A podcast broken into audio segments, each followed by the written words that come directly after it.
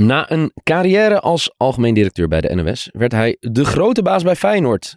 Daar vertrok hij vrij snel, maar gedurende de coronacrisis op een moeilijk moment trad hij aan als interim directeur bij de Eredivisie CV. Inmiddels is hij interim directeur af en is hij nu gewoon de eindverantwoordelijke bij de Eredivisie CV. We hebben het natuurlijk over Jan de Jong. Welkom. Dankjewel.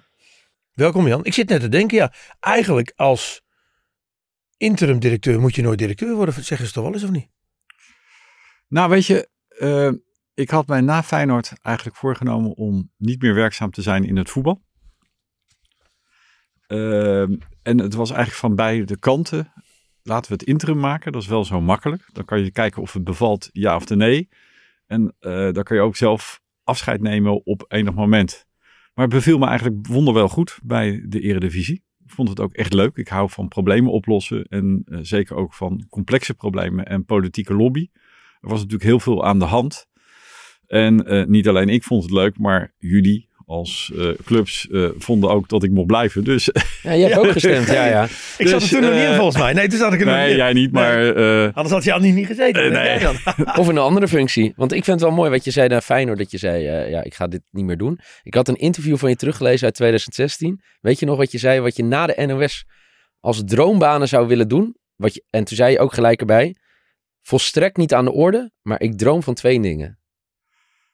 Uh, nee, help mij nog heel even. Ontwerper van auto's, ja. functionele kunst. Ja, ja. En dat lijkt me een prachtig beroep. Ja. Uh, iets heel moois ontwerpen voor dagelijks gebruik. En trainer van een topclub. Ik vind het heel leuk om mensen te coachen, te helpen en te laten stralen. Ja. En dan ook nog in het topsportklimaat. Hoge druk en onder een vergrootglas. Heerlijk. Ja, nee, dat klopt. Je, je zegt daar nou ook bijna zijde. Beide zijn natuurlijk volstrekt niet aan de orde.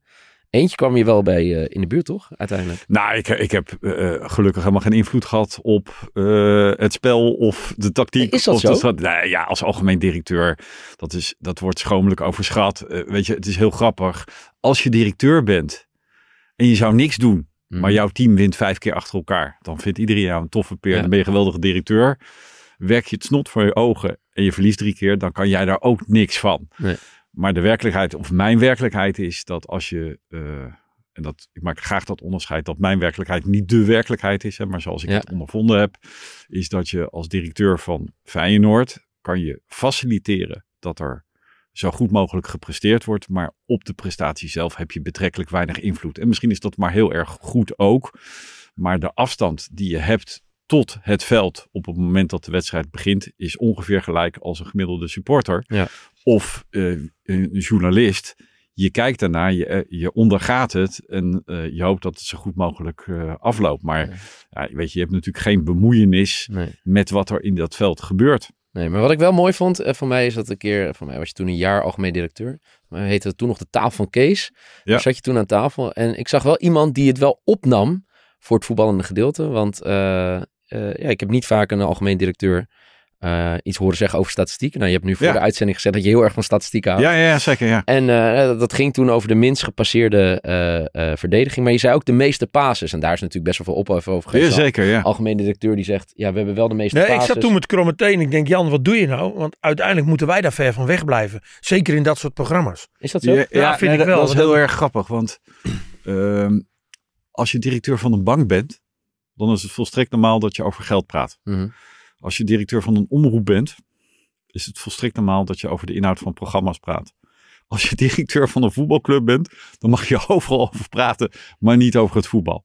Dat is een soort Ja, aangeleerde hele morris met elkaar. wereld waarin wij Nee, dat klopt wel. Maar, begeven, nee, maar eh, eh, als je mij een beetje kent, en daar verdenk ik jou van, weet je dat ik al die conventies of alles wat we met elkaar afgesproken hebben, ik stel daar altijd vraagtekens bij. Bij alles. Nee, maar het ging zo diep, weet je. Het ging Nee. over de paas nauwkeurig. Of. Nee. Dat ik dacht van, je kan wel, tuurlijk, ik spreek ook over voetbal. Dat ik dacht van, oh, kijk uit. maar eh, het fatwa wat er bijna is, dat je als algemeen directeur niet over voetbal mag praten bij een voetbalclub, terwijl iedere willekeurige Ja, supporter het of journalist Eh, van alles mag vinden over datzelfde voetbal. Dat vind ik gewoon grappig. En eh, durf het ook te relativeren. En eh, daar word je dan op afgerekend. Of, eh, Voelde je dat toen zo? Want er, er kwam wel best wel Nee, wat joh. los. Nou ja, dat ook wel in het kringetje hoor. Op straat ook weer niet. Of, Bij de bakker zeiden ze niks over. Nee, dat, dat is ook weer zo. En weet je wel, het waren wel statistieken die klopten. Maar zegt het ook iets over je leiderschap dat jij vindt op dat moment, wat je net omschrijft, eh, iedereen zegt dat het niet mag. Maar waarom mag het niet en ik ga het gewoon proberen? Ja hoor, zeker. Ja, 100%. Maar wat zegt dat dan over wie je bent? Nou, dat ik... eh, mijn hoogste goed is mijn onafhankelijkheid en het vrije denken. Eh, en dat heb ik van jongs af aan, zit dat op een of andere manier in me. En dat vind ik ook het allerleukste. En- Paplepel ingegoten? Nee, helemaal niet. Juist niet. Ik Nee? denk dat ik eh, ouders heb die, bu- of, eh, die buitengewoon plichtsgetrouw en eh, ja, heel erg opkeken naar autoriteiten. Dat heb ik niet, maar ik ben opgegroeid natuurlijk. Ik ben geboren in 67 Ja. met een Feyenoord en een Ajax die op dat moment en het Nederlands elftal de beste van de wereld waren. En het beeld, ik vind de eerste minuut van het WK 1974, dat je totale dominantie hebt, dat je, je speelt in het land van West-Duitsland de finale, maar je bent totaal overheersend. De, de flair waarmee je daarmee op het veld staat, de, de gezonde bravoure. Ik denk dat dat iets is wat mijn generatie, in ieder geval ondergetekende, heel erg heeft meegekregen als van, ja, waarom zou je het niet durven? Waarom zou je niet uit kunnen stralen dat, dat je, eh, en dat is eh, zelfvertrouwen of zelfverzekerdheid is iets anders dan ijdelheid of ingenomenheid. Ja. Het is gewoon overtuiging of geloof je ergens in. En, waarom noem je dat zo? Ijdelheid of zelf? Nou, omdat het je vaak- dat wel vaker hoort? nou, omdat het vaak verward wordt, vind ik. Dat als je. Maar hoor je het ook vaak of niet? Mm, soms. Vind je dat jammer? Ja, omdat ik dan denk dat je mij niet goed begrijpt. Omdat ik daar eigenlijk heel wars van ben. Maar het is de perceptie dan van mensen die ze, toch? Nou, dat eigen gereid, eh, eh, zelfverzekerd. Ja.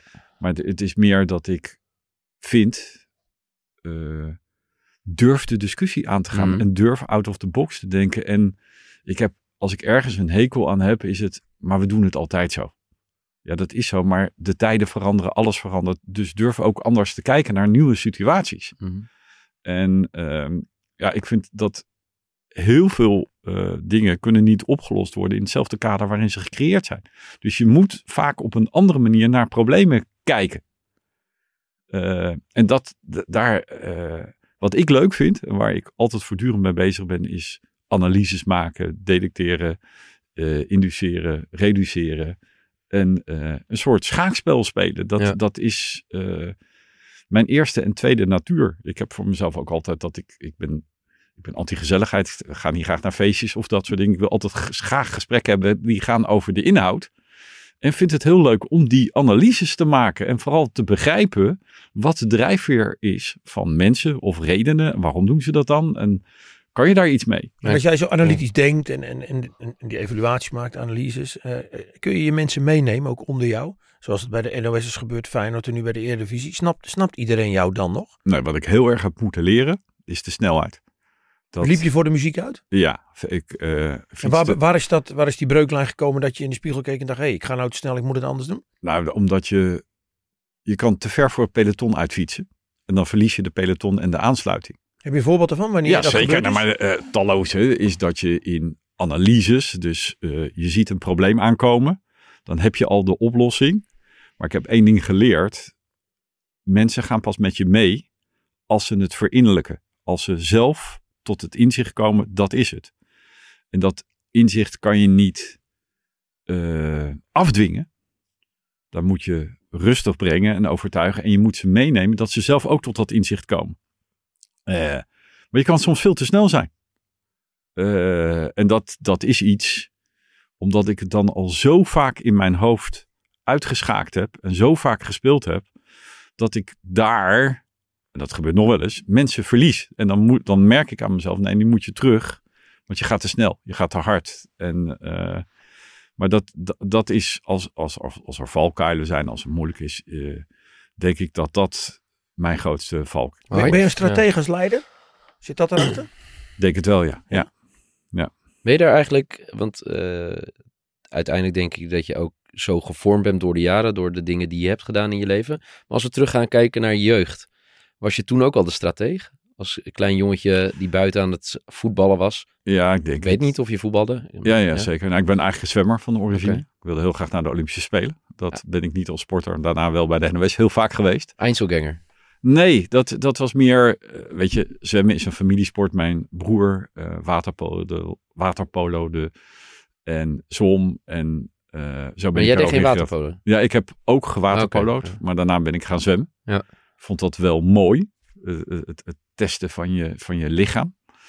Maar ook dat je niet afhankelijk bent van anderen? Nee, nee, dat, dat was toen echt niet. eh, ik zou je zeggen, ik ben toen ik vier was tamelijk veel eh, ziek geweest. Ik heb Oké. Guillain-Barré gehad, hè, dus een vorm van, van kinderverlamming. Ja. Dan is zwemmen echt heel erg goed voor je. Dan, dan weet je, al je spieren.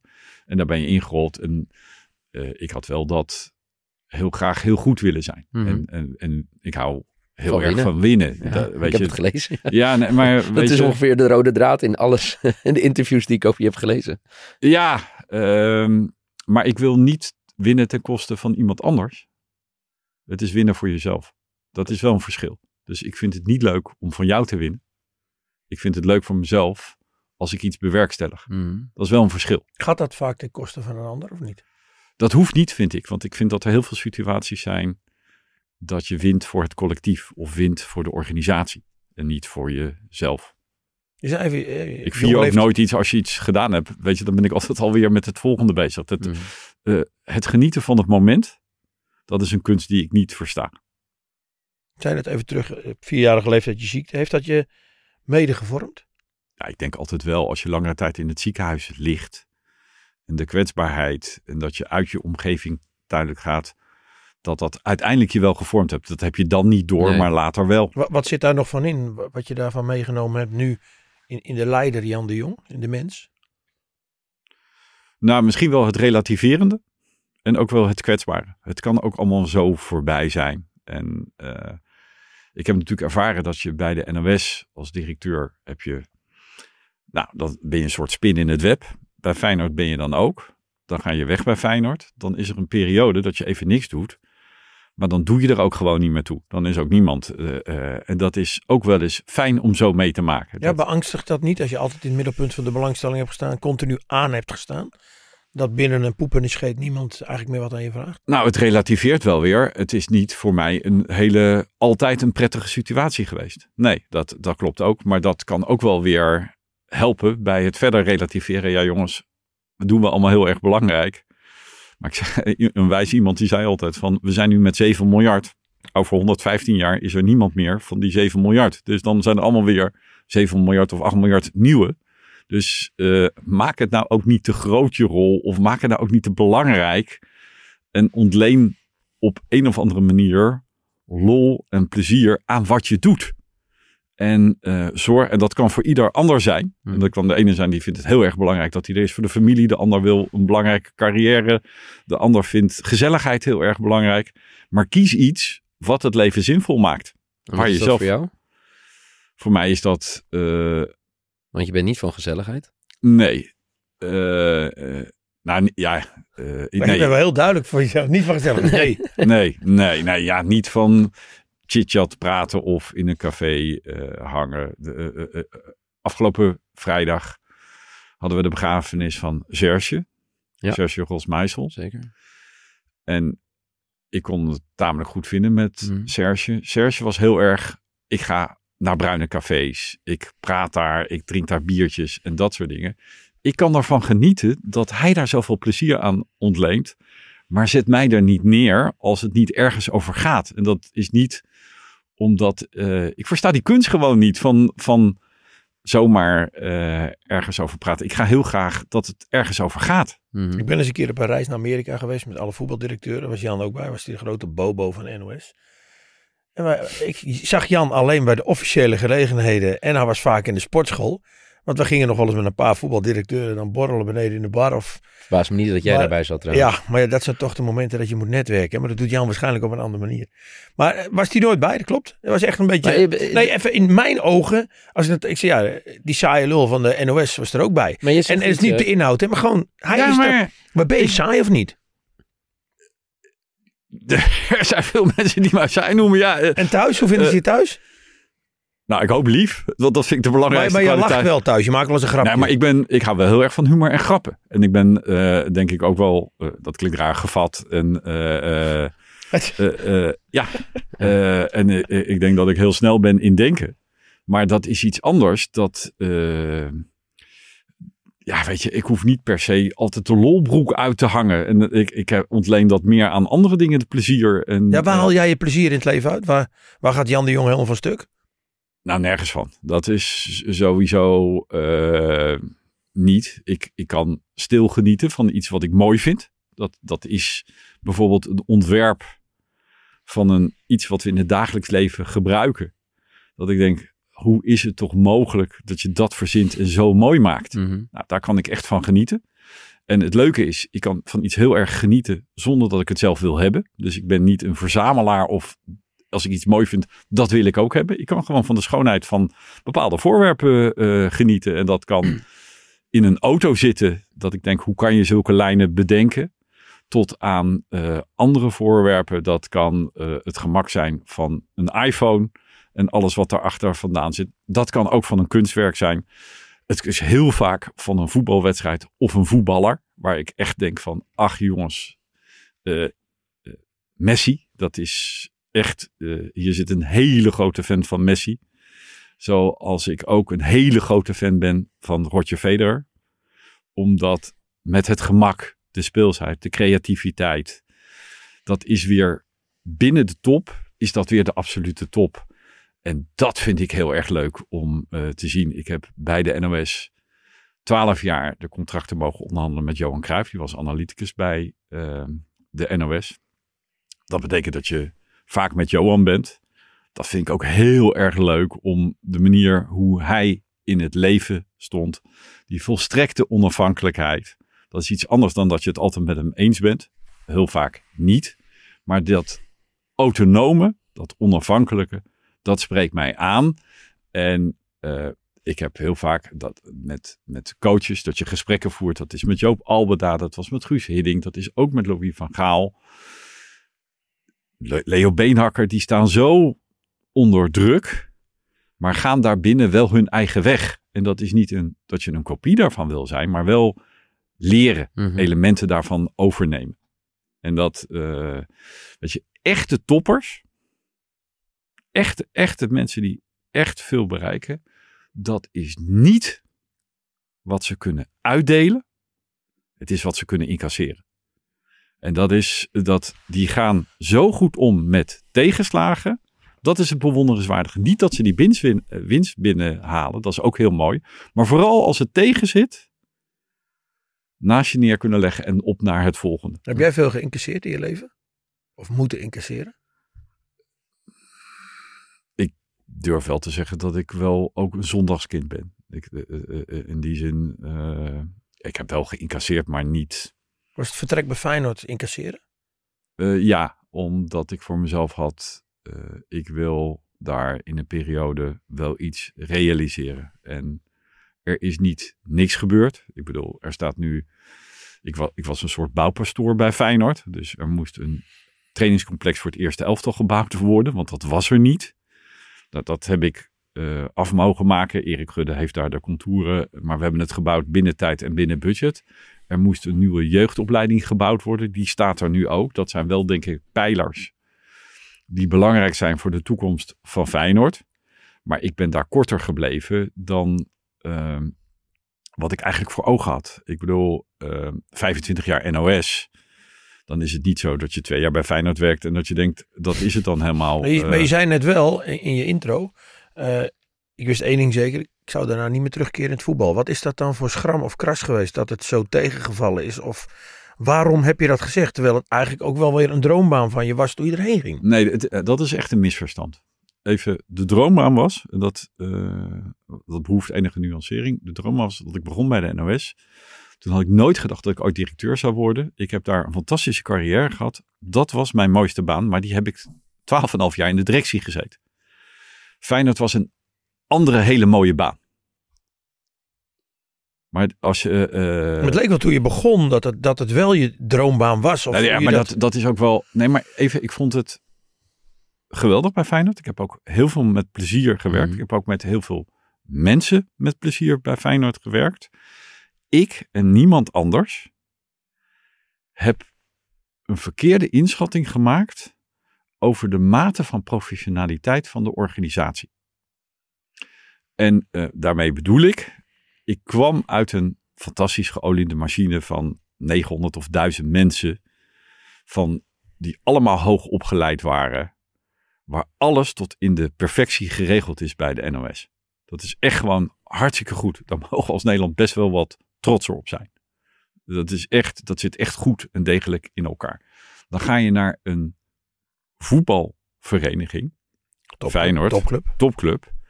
Daar is de voorkant van het borduurwerk fantastisch. Dus het logo, het stadion, de historie en ook op het veld. Maar de achterkant van het borduurwerk, die is gewoon wat minder mooi. En daarmee bedoel ik dat je weet dat als er een euro te besteden is in een voetbalclub, dan is heel erg de neiging om die euro in het voetbal te investeren. En liefst nog 1,10 euro. Terwijl je ook aan de achterkant de organisatie moet verstevigen en Maar is je professionaliseren. dat dan niet gelukt? Want ja, je kan ook je tanden erin zetten en Maar wat, zeggen van wat nou, ik, ja, wat ik ook wel interessant vind, want je, je zegt eigenlijk de analyse. Ik ben degene die een verkeerde inschatting heeft gemaakt. Toch? Ja, ja, over de mate van professionaliteit. Maar, en daarom dacht ik ook wel dat Wilco gelijk had over een droom. Je stapt dus wel in bij iets wat je, ik weet niet of je geambieerd hebt, maar bij iets wat je dacht dat ook nooit voor mogelijk was geweest. Om algemeen directeur te worden van een club.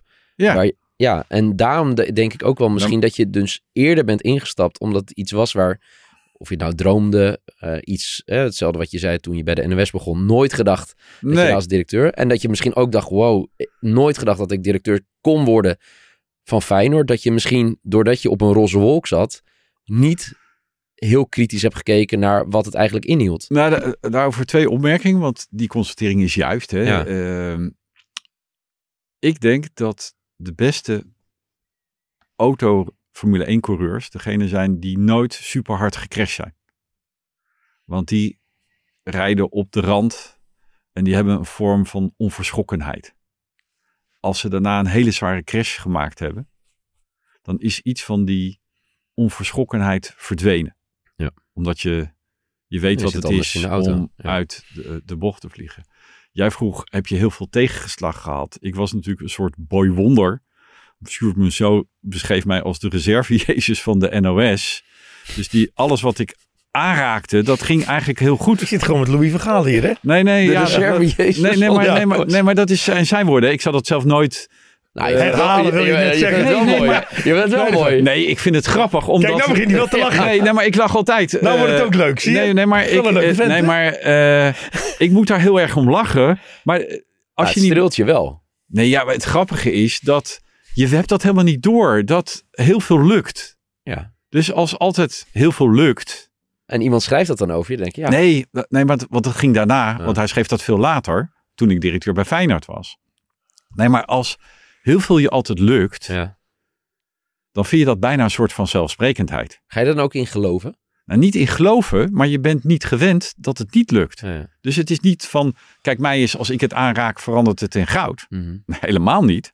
Maar je, alles lukte gewoon altijd. Dus eh, eh, eh, carrière maken lukte zonder dat je dat nou... je werkte wel hard voor. Maar er moeten mensen zijn die het in je geloven. Er moet maar een positie vrijkomen. Dus dat Ja. viel allemaal steeds op zijn plek. Eh, ook binnen de NOS. Nou, veel mogen doen en veel nou, eh, rechten, weet je, Sport 7 verslagen. eh, Talpa verslagen. Dus al op vroege leeftijd. De NOS werd groter en belangrijker. Dus dat lukt allemaal.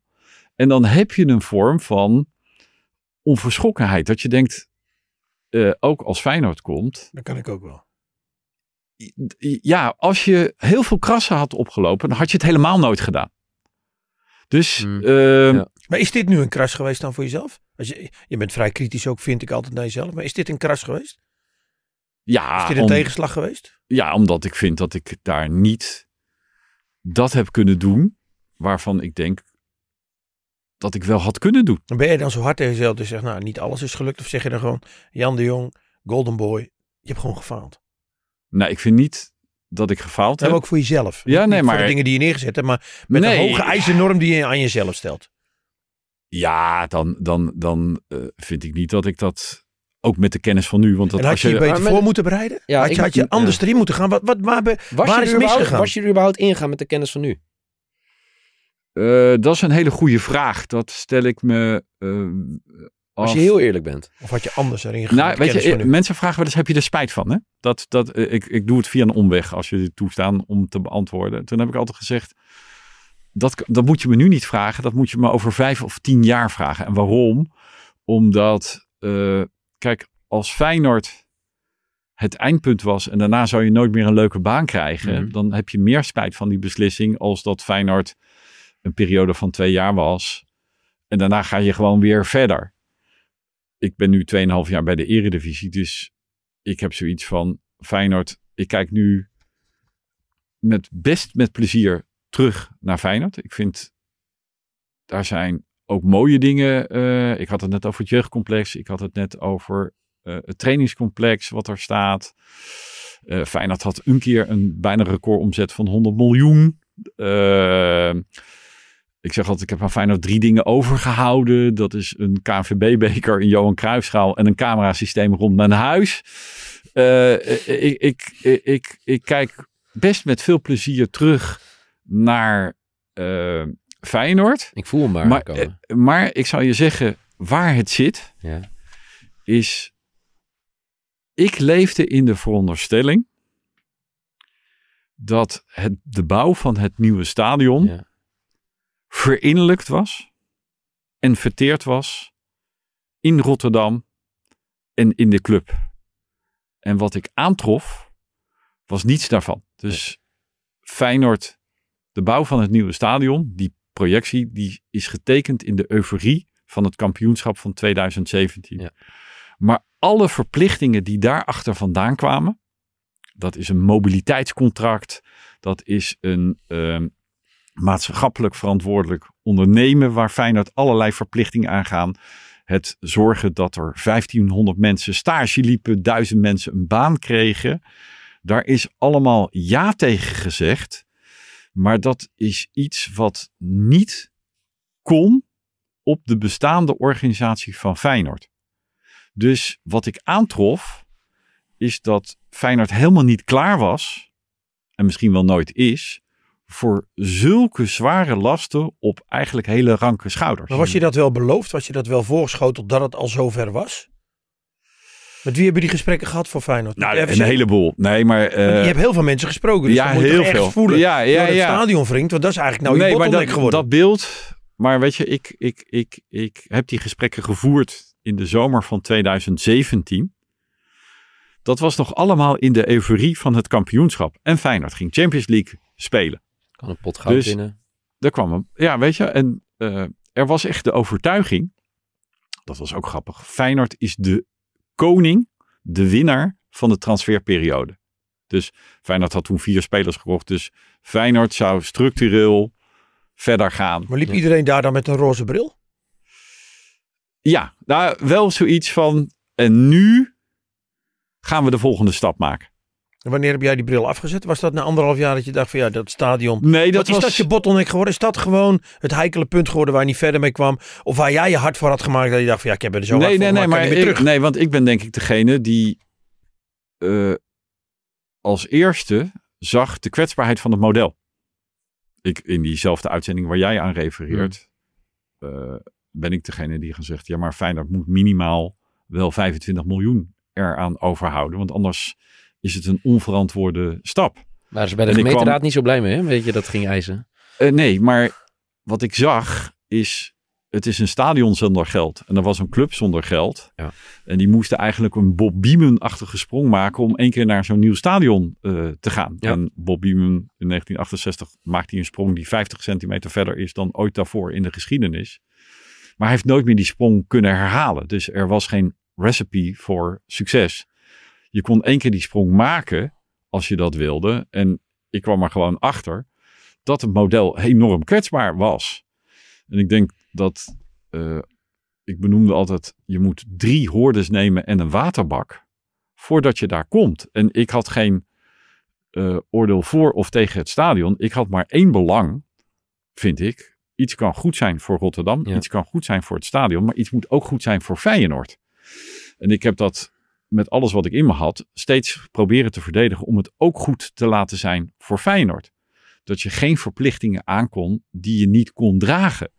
En ik kwam er eigenlijk achter, maar wanneer kom je dan erachter? Dat is na een paar maanden als je je verdiept in de materie, dat het draagvlak binnen de organisatie, maar ook de kennis en kunde om een dergelijk project te dragen, beperkt aanwezig was. Omdat in een voetbalclub is iedereen bezig met de waan van de dag. En eh, bij mijn, in de gesprekken, en dat is iets waar ik, want dan kom ik even terug, heb je dan spijt? Maar dit is... eh, Nee, nee, niet spijt. Maar Nee, zou nee, je nee, nu maar- met de kennis ja, van da- nu... nou, maar daar willen de lessen terug. eruit halen. Ja, zeker. Nee, maar dat is heel terecht. En voor mezelf ook.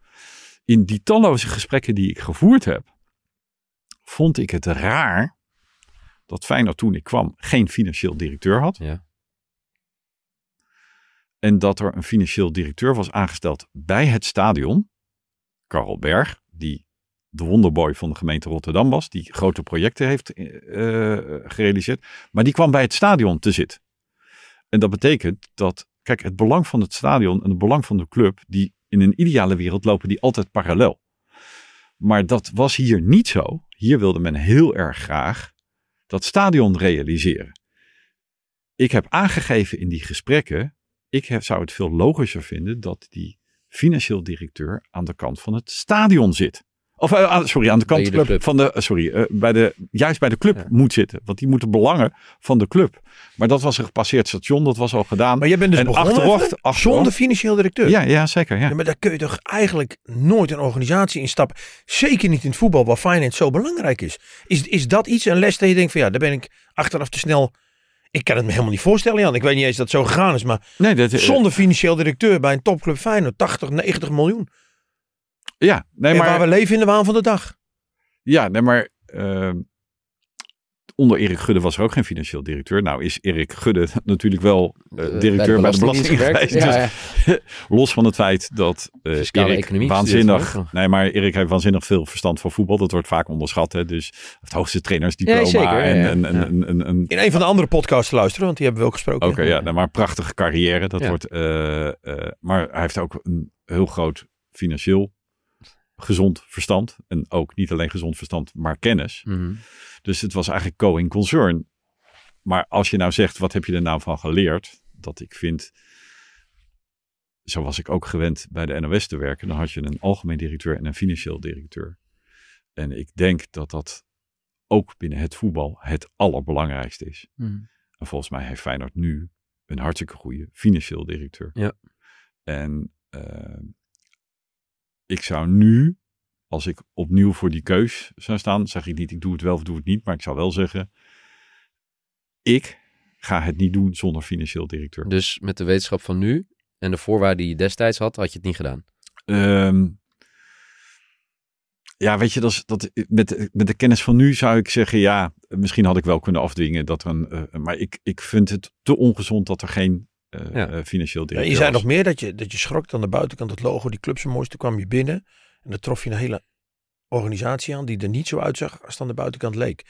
Wat mis je dan in zo'n organisatie, wat jij wel gewend was? Want je had het over die geoliede machine bij de NOS. Wat heb je als leider, wat ben je tegengekomen waarvan je schrok toen je begon in het voetbal? Bij een van de topclubs. Nou, dat het. eh, iedereen is altijd gefocust op de waan van de dag. Dus die hele organisatie is bezig met zondagmiddag, half drie. En dat lijkt heel logisch, want alles gaat om winnen. Maar je hebt, eigenlijk heb je in zo'n organisatie tenminste twee snelheden. Namelijk de topsport, die altijd bezig is met de volgende wedstrijd. Maar de organisatie daarachter zou veel meer bezig moeten zijn met de continuïteit. Heb je dat niet kunnen draaien? Nou, weet je, in, eh, nee, want de werkelijkheid is, ik kan wel zeggen dat is wel zo. Nee, dat is niet zo. Heb je het geprobeerd? Eh, jawel, En waar en op welke Nou, ik zou je zeggen, ik, wat ik, ehm, ik was denk ik letterlijk 80% van mijn tijd bezig met alleen maar bouwprojecten. Namelijk het jeugdcomplex, het eh, trainingscomplex van het eerste elftal. En dan nog een heel ingewikkeld stadiondossier. Dus ik had veel te weinig tijd om op me de interne organisatie te richten. Terwijl ik denk dat daar normaal gesproken, in ieder geval bij de NOS, mijn kracht lag Maar, maar dan gaan we dat ik aanraakbaar was. Maar, dat, ik, dat ik aanraakbaar was. En, maar dit is eh, jouw kwaliteit, hè? aanraakbaar zijn, hoor ik ook. Je was bij de NOS ook veel op de werkvloer. Ja, Maar je hebt je laten onderdompelen, kan ik het zo zeggen, bij Feyenoord door iets wat niet de kernkwaliteit is, bouwen. Had je dat anders moeten managen, moeten delegeren? Had je daar misschien iemand voor aan moeten nemen als directeur? Dan komt het weer. Iemand met specifieke kennis die één keer in de week tegen jou zei... Jan, kom eens een uurtje zitten. Ik ben er weer mee bezig geweest. Nu ben jij 80% van je tijd bezig geweest met bouwen. Daar wil ik een Jan de Jong als directeur nooit voor hebben. Want je hebt andere kwaliteiten. Ja, nee, maar ehm, even... Feyenoord was allerlei verplichtingen aangegaan. In de position paper met de gemeente Rotterdam.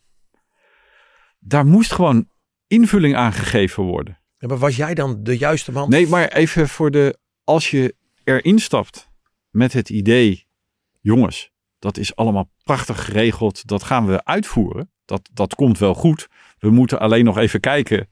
Want dat is eh, wat ik eigenlijk het Dan meest. ben je eigenlijk een beetje voorgelogen als ik het een beetje zo Nou, het is, ja, je kan ook eh, eh, dat je zelf niet voldoende op de hoogte was. Of, maar ik, ik merkte gewoon, weet je, als iets niet, je kan ook bij redacties of bij welke afdeling ook, als ze niet zelf het geloof hebben dat je de goede richting op gaat, of als het niet zelf verinnerlijkt is, dan kan je de meest autoritaire leider zijn Ja. of de meest empathische leider, dan krijg je het niet gedaan.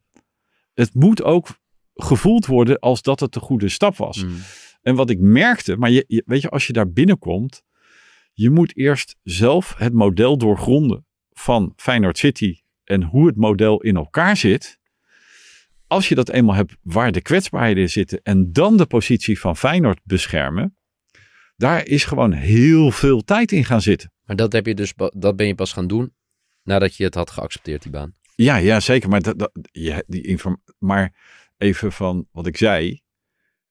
eh, in de zomer van 2017 was er euforie bij Feyenoord. En iedereen was, was met het kampioenschap. Totale ontlading. Een eind van een lange reis. Hoe is het mogelijk dat Feyenoord kampioen is geworden? Hoe fijn is dat? Mhm. En er was ook een soort opluchting. Hè, hè, de reis is volbracht. Ja.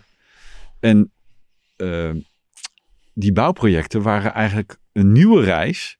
Maar niemand had de reisgids gelezen of dat we door... eh, Hij moest nog geschreven worden. nee, weet je? Ja. dat het een soort Parijs-Roubaix zou worden met zeven kools. Mhm. Die reis moest nog geschreven worden, maar ook de etappes moesten nog uitgezet worden. En eh, daar kwam ik gaandeweg heel erg achter. Dat, eh, weet je, het waren nogal beklimmingen. En de zekerheid op succes was betrekkelijk klein. En ik zeg altijd, het bestond uit drie hordes en een waterbak. Eén was eh, de business case. Hè. Kunnen twee organisaties die betrekkelijk klein zijn, eh, een dergelijke omzet draaien in een nieuw stadion? Nou, dat, dan moet je op de toppen van de kunnen presteren om dat te halen. Nou, dat zou met hangen en wurgen net kunnen. Het tweede was een organisatie als Feyenoord, eigenlijk zonder eigen geld. En een stadion, ook zonder eigen geld. Die moesten toch voor 440 miljoen financiering gaan zorgen. Dat bleek heel erg moeilijk. En tot op de dag van vandaag is dat niet gelukt. En in de euforie van het kampioenschap dacht iedereen, ach, Rotterdam en alles wat Feyenoord uh, ankerhout is, die gaan wel mee in de volgende stap. Nou, dat bleek veel weerbarstiger te zijn. Dus die financiering was heel moeilijk rond te krijgen. Dan had je het technisch ontwerp, hè, naar een definitief Mhm. ontwerp. Nou, dan blijkt altijd als je gaat bouwen dat het toch ingewikkelder is en duurder wordt. Maar wat ik heel erg duidelijk benoemd heb, ook in de nieuwjaarstoespraak, en dat is weer wat uiteindelijk je nu ook tegenkomt, maar dat heb ik in januari 2019 volgens mij klip en klaar gezegd, is zelfs als je die eerste drie hordes neemt, dan is de waterbak, vind maar eens iemand die voor een gegarandeerd bedrag een stadion gaat bouwen. Kijk, een huis of een kantoor, daar is heel veel expertise. Maar een stadion bouwen, dat is wel even iets anders. Ja. Dat doe je niet elke week.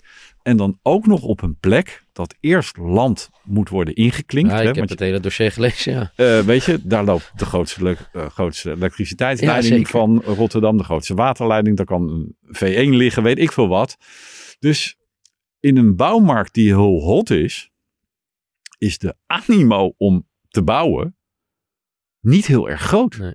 En dat trof ik ook aan. Dus zelfs als je hoorde 1, 2 en 3 zou nemen, die waterbak, Ja. dat was voor mij altijd. Ja, maar de jongens, en wie gaat er nou zeggen dat je voor dat bedrag dat stadion kan bouwen. Hmm. Dus eh, daar maakte ik mij grote zorgen over. En Ja. ik zag de kwetsbaarheid van dat model. En dan ontstaan er eh, economische factoren zoals waanzinnige groei in de economie, waardoor alle prijzen stijgen, waardoor het stadion ongeveer met de week duurder wordt en er voor Feyenoord minder overbleef. En toen heb ik gezegd, ja, maar dat moet wel wat er ook gebeurt. Dan moet je- wel een fix bedrag. ja, want eh, Feyenoord moest zelf uiteindelijk wel zo'n 75 miljoen euro van de business case gaan realiseren om er zelf 25 miljoen aan over te houden. Ja.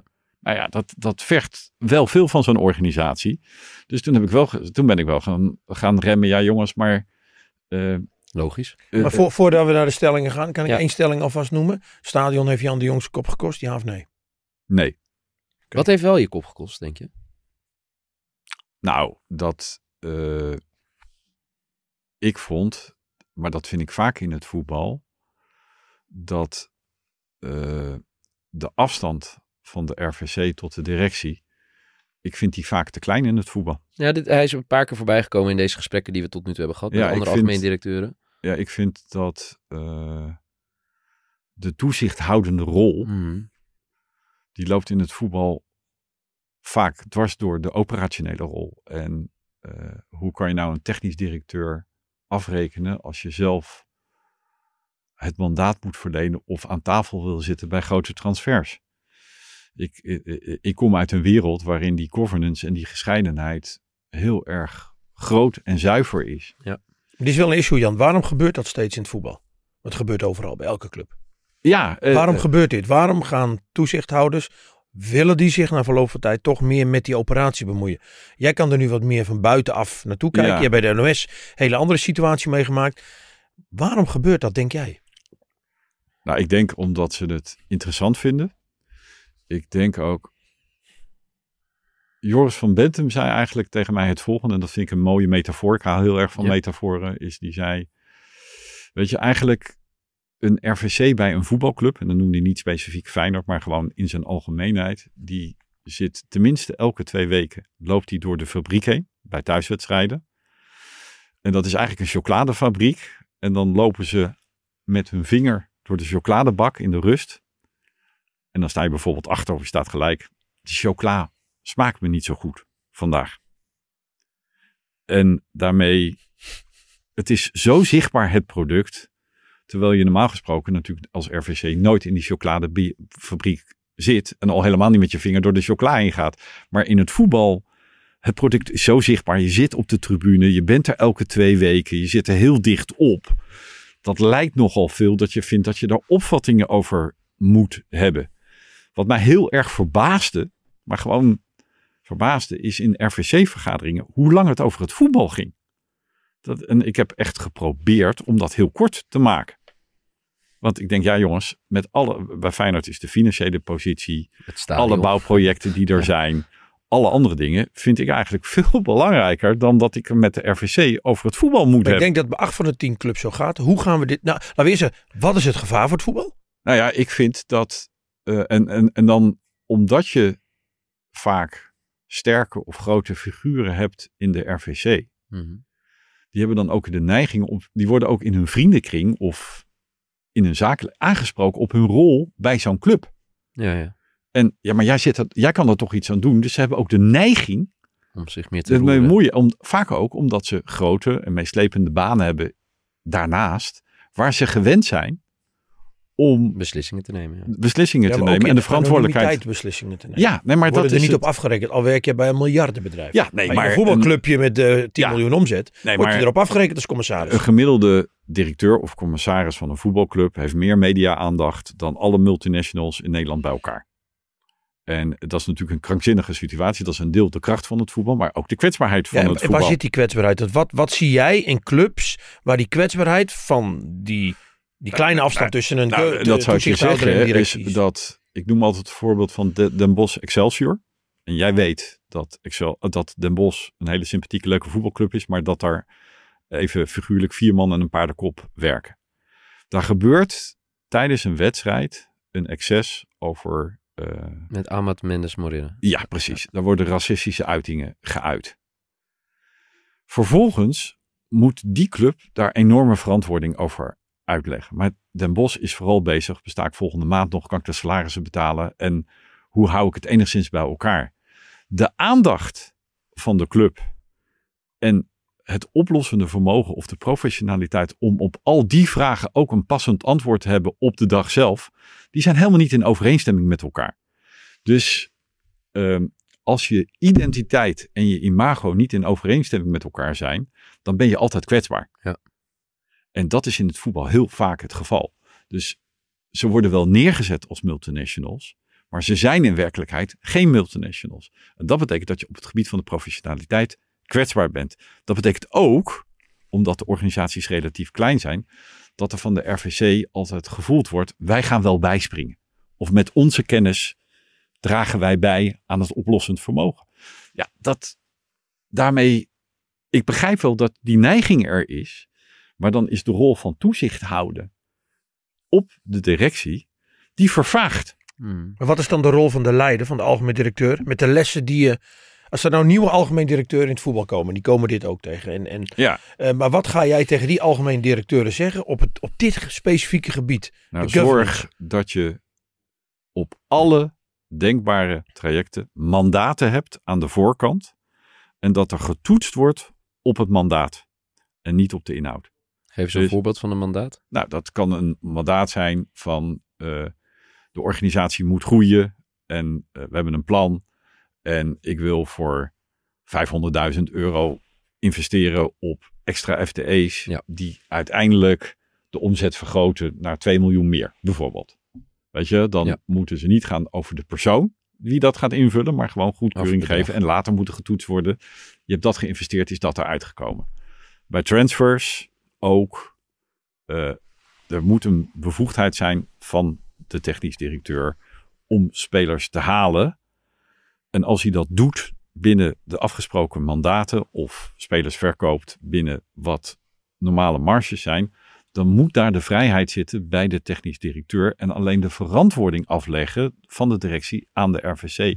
Maar niet de directe bemoeienis ermee, want dan kan je niet meer controleren. Dan ben je onderdeel van het proces geworden. Als ik dit zo hoor, de wa- die mandaten waren niet aanwezig. Jawel, maar eh, er is gewoon een neiging, maar dat, dat zegt Wilco ook Ja. bij het voetbal, om je er altijd toch tegenaan te leuk, het is bemoeien. interessant natuurlijk. En Het- ik denk je- ook dat het een leerfactor want is. uiteindelijk heb je er bijna twee jaar gezeten. Ja. Wanneer had je het gevoel van dit gaat eigenlijk niet werken? Al met Nou, ik zou je heel erg zeggen, dat is. eh, we hadden een beleidsplan gemaakt. Ik werkte bij de NOS ook met een beleidsplan Mhm. van vijf jaar, een vijfjarige plan. Dat is iets anders dan een businessplan, maar een beleidsplan. Waar wil je heen? Ja.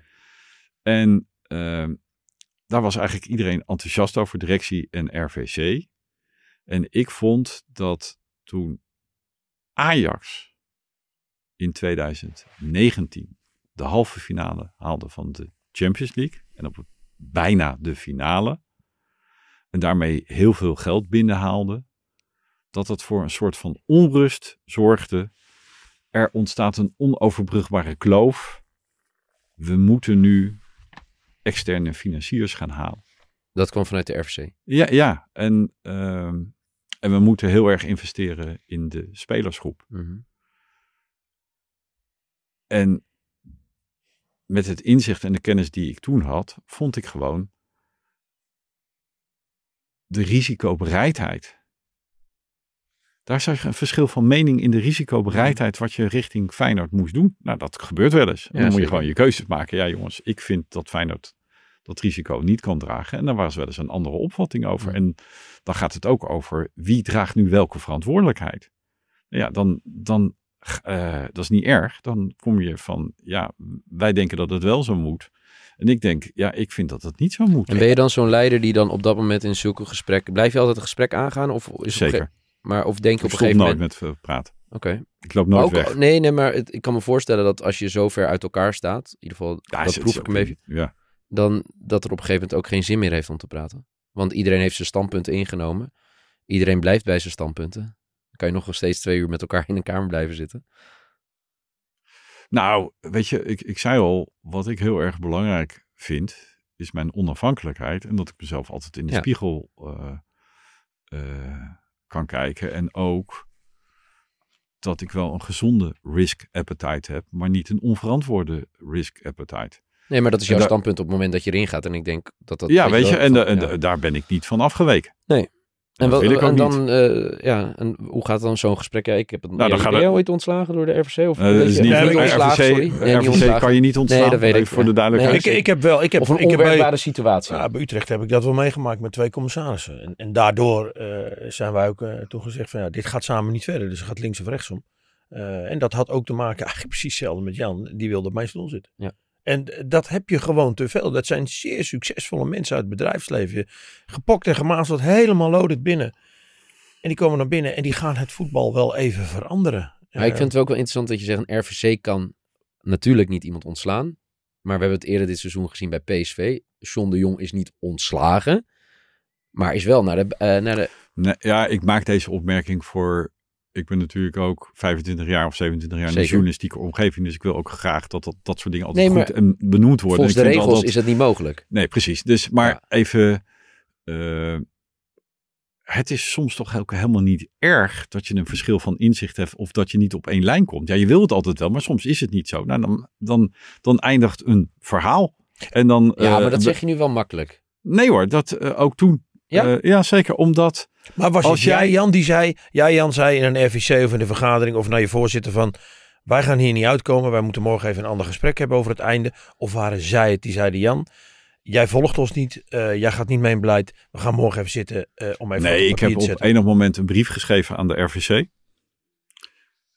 Daar heb ik even ge- gewacht of ik die zou versturen, ja of nee. Heb ik uiteindelijk wel gedaan. Want je wist dat die brief het einde zou betekenen. Dat wist ik, ja. Ja. Maar in die brief heb ik wel aangegeven hoe ik vond, wat iets anders is dan dat dat zo zou moeten zijn. Maar dat was mijn observatie, hoe je eh, verder zou moeten binnen de governance en de verhoudingen. En er bood nog eigenlijk Feyenoord. ruimte voor om samen te blijven werken, die brief. Alleen als ze op jouw richting doorgingen.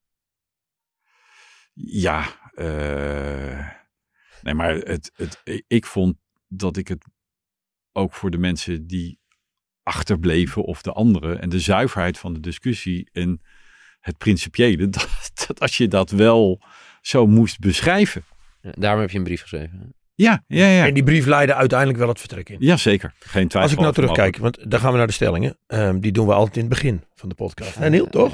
We maken er gewoon Maar even het einde van. van, Feyenoord, hè, dat heb je wel mooi beschreven. Eh, we dachten net stadion. Eh, je hebt het over camera's gehad. Dat betekent ook een stukje veiligheid voor jou en je gezin.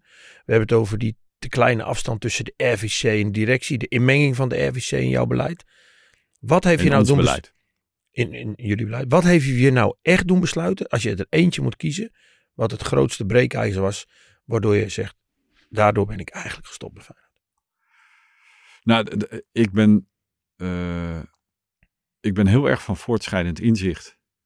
Ik ben heel, ook heel erg niet, want iedereen die mij kent is, is niet dat mijn wil is wet en dat is de enige manier. Ik ben heel erg juist vatbaar voor opmerkingen van anderen om iets beter te maken. Dat, dat heel erg. Maar ik denk de richting, en dat was toen, we moeten met Amerikaanse investeerders in zee. Wetende uit wat voor situatie Feyenoord kwam. De vrienden. Nee, maar de vrienden hebben Feyenoord wel gered, maar daar eigenlijk daarvoor, dat, weet je, laat ik het anders formuleren. Ik denk dat in elke bestuurskamer iets te vaak gezien wordt dat het voetbal een casino is waar je alleen maar kan winnen als je veel geld inzet. En dat is niet zo. Want iedereen heeft wel eens dat plaatje, als we nou nog eens een miljoen of 10 miljoen extra investeren, dan gaan we omhoog, dan halen we Europees voetbal, dan worden we kampioen, dan gaan we Champions League spelen. Nou, er is geen bestuurskamer waar dat niet voorbij gekomen is. De werkelijkheid is dat casino's waar je alleen maar wint niet bestaan. En als ze wel zouden bestaan, dan bestaan ze niet lang. Ik wil net zeggen, dan zijn er geen casino's meer. Nee. Nee, dus eh, ik vond dat pad en de richting om te gaan kijken met Amerikaanse investeerders. En welke kant dat op zou gaan, vond ik te risicovol, wetende wat het avontuur in 2007 met Feyenoord had gedaan. Toen er heel veel spelers gehaald werd. Ja. En eh, hoeveel afschrijvingen je al hebt op een bestaande spelersgroep. Dus als je een investering extra zou doen op die spelersgroep, wat dat zou doen met de exploitatie van Feyenoord. En hoeveel last die je op je schouders uh, haalde. Ik vond dat risicovol. Dat wil niet zeggen dat ik daarmee gelijk had.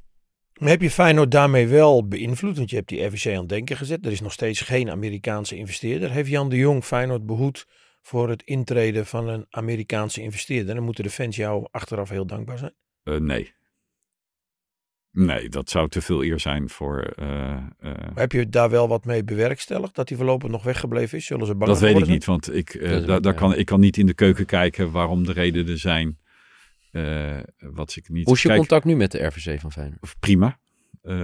heb je deze gesprekken nog wel eens? Dat je ter terugblikt? Nee, nou, ik ben niet zo heel erg van terugblikken. Daarom vind ik het wel grappig, want het zet me ook wel aan het denken. Ehm Nee, ik kom gewoon bij Feyenoord en ook met de RVC uh, eh, gesprekken. En weet je, het wordt altijd als je een verschil van inzicht hebt, dat hoeft niet altijd tot conflict te leiden. En wat mensen moeilijk begrijpen bij mij, maar dat is wat, mm -hmm. waar, dat als een gesprek uh, hard is of conflicterend, dan is het voor mij, vind ik het niet vervelend. Wat vind je wel vervelend? Want het, eh, ik heb het beeld dat heel veel dingen van je afglijden, maar er moet iets zijn wat je wel kan raken op zakelijk gebied. Nou, weet je, wat ik wil, eh, wat ik, de sfeer van een vergadering vind ik niet voor mij bepalend of iets leuk is of niet mhm. leuk is. Nee. Wat ik moeilijk vind, is als je er uiteindelijk niet uitkomt. En dat heeft niks met mijn positie met de RVC, maar ik vind iedereen heeft een verantwoordelijkheid om uiteindelijk tot een oplossing te komen.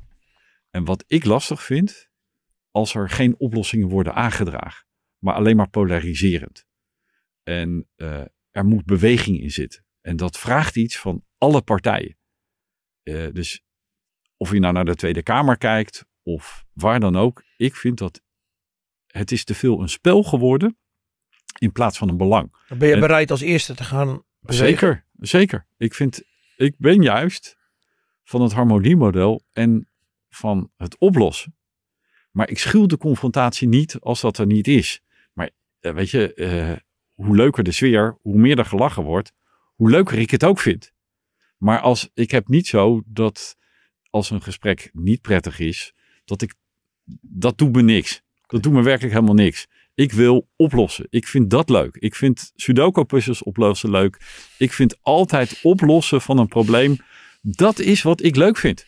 Nou, we hebben nog een probleem in Nederland. die kunnen we straks nog spreken. Nee, maar, hoe groter het probleem, nou, hoe leuker ik het vind. Voor je. Nee, maar hoe leuker ik het vind om daarnaar te kijken. En wat ik zie, ja. en dat zie ik op heel veel... Kijk, ik ben opgegroeid in een Nederland waarin je altijd kon polderen. En je kon het fundamenteel met elkaar oneens zijn, maar je wist dat je samen naar een oplossing moest komen. Je ging in gesprek met elkaar. Mm. En wat ik nu zie, is dat iedereen in schuttersputjes zit en elkaar voortdurend beschiet zonder dat er een beweging komt naar elkaar toe. Nou, dat vind ik gewoon jammer, omdat je daarmee iets van de kracht van Nederland verliest. Nederland is het land van de tolerantie. Daar ben ik in opgegroeid. En het gaat niet wat jouw hobby's zijn of ik dat goed vind. Ik gun jou jouw plezier en jouw hobby's zoals jij mijn hobby's gunt en mijn plezier. En dat kan ons uitstekend bij elkaar uh, en naast elkaar bestaan. En wat er nu gebeurt, is dat ik mij een oordeel vel over jouw hobby's en wat jij leuk vindt. En dat ik ga zeggen dat jij dat niet moet doen. Hmm. Dat is waar ik vind, waar Nederland enorm is veranderd. En dat vind ik heel erg jammer. Ja, ik, dus, ik merk nu dat dit jou het dwars zit. Ja, dat, dat, die, dat uh, je moet op enig moment over je eigen belang kunnen uitstijgen. En ik vind bijvoorbeeld, maar ik ben politicoloog, dus ik kijk daar met bijzondere interesse in. Het spel is te veel het spel geworden in de, de kader. Ik bedoel, je, Hugo de Jonge kan je van alles van vinden. Ook Feyenoord, hè? Nee, maar daar gaat het helemaal niet oh. om. Maar in de coronacrisis, en of hij nou goed gedaan heeft of slecht gedaan, dat is niet aan mij, want daar heb ik ook niet alle kennis voor. Maar hoe vaak is nou in de Kamer geroepen, minister de Jonge, Waarmee kunnen we u helpen? Hoe kunnen we dit oplossen? Het was altijd dat is niet goed, dat is niet goed, dat is niet goed. En die dingen die opgenoemd waren, die waren misschien ook niet goed. Maar het gaat er natuurlijk ook om, waar kan ik je nou mee helpen? Waar zit nou de oplossing? En dat vind ik jammer, dat we dat zo vaak zijn kwijtgeraakt. Ik denk dat Ja, zo voorbij de stelling voorbij komt, toch? Er komt in een van de stellingen, dus we kunnen ook Jan's politieke ambities even peilen. Eh, Jan, even een aantal stellingen. Alleen maar ja en nee. Ik ben een geboren leider. Niet geboren. Wel geworden. Ja en nee, hè? Nee. Ik ben een autoritair leider. Nee, Ik ben een empathisch leider. ja, Ik weet wat mij drijft als leider. Ja. Mijn manier van leiding geven levert altijd succes op. nee, Ik laat ook mijn kwetsbaarheid zien als leider. Ja. De vorm is belangrijker dan de inhoud als leider. Nee. De leider is meer bepalend voor het resultaat dan de visie.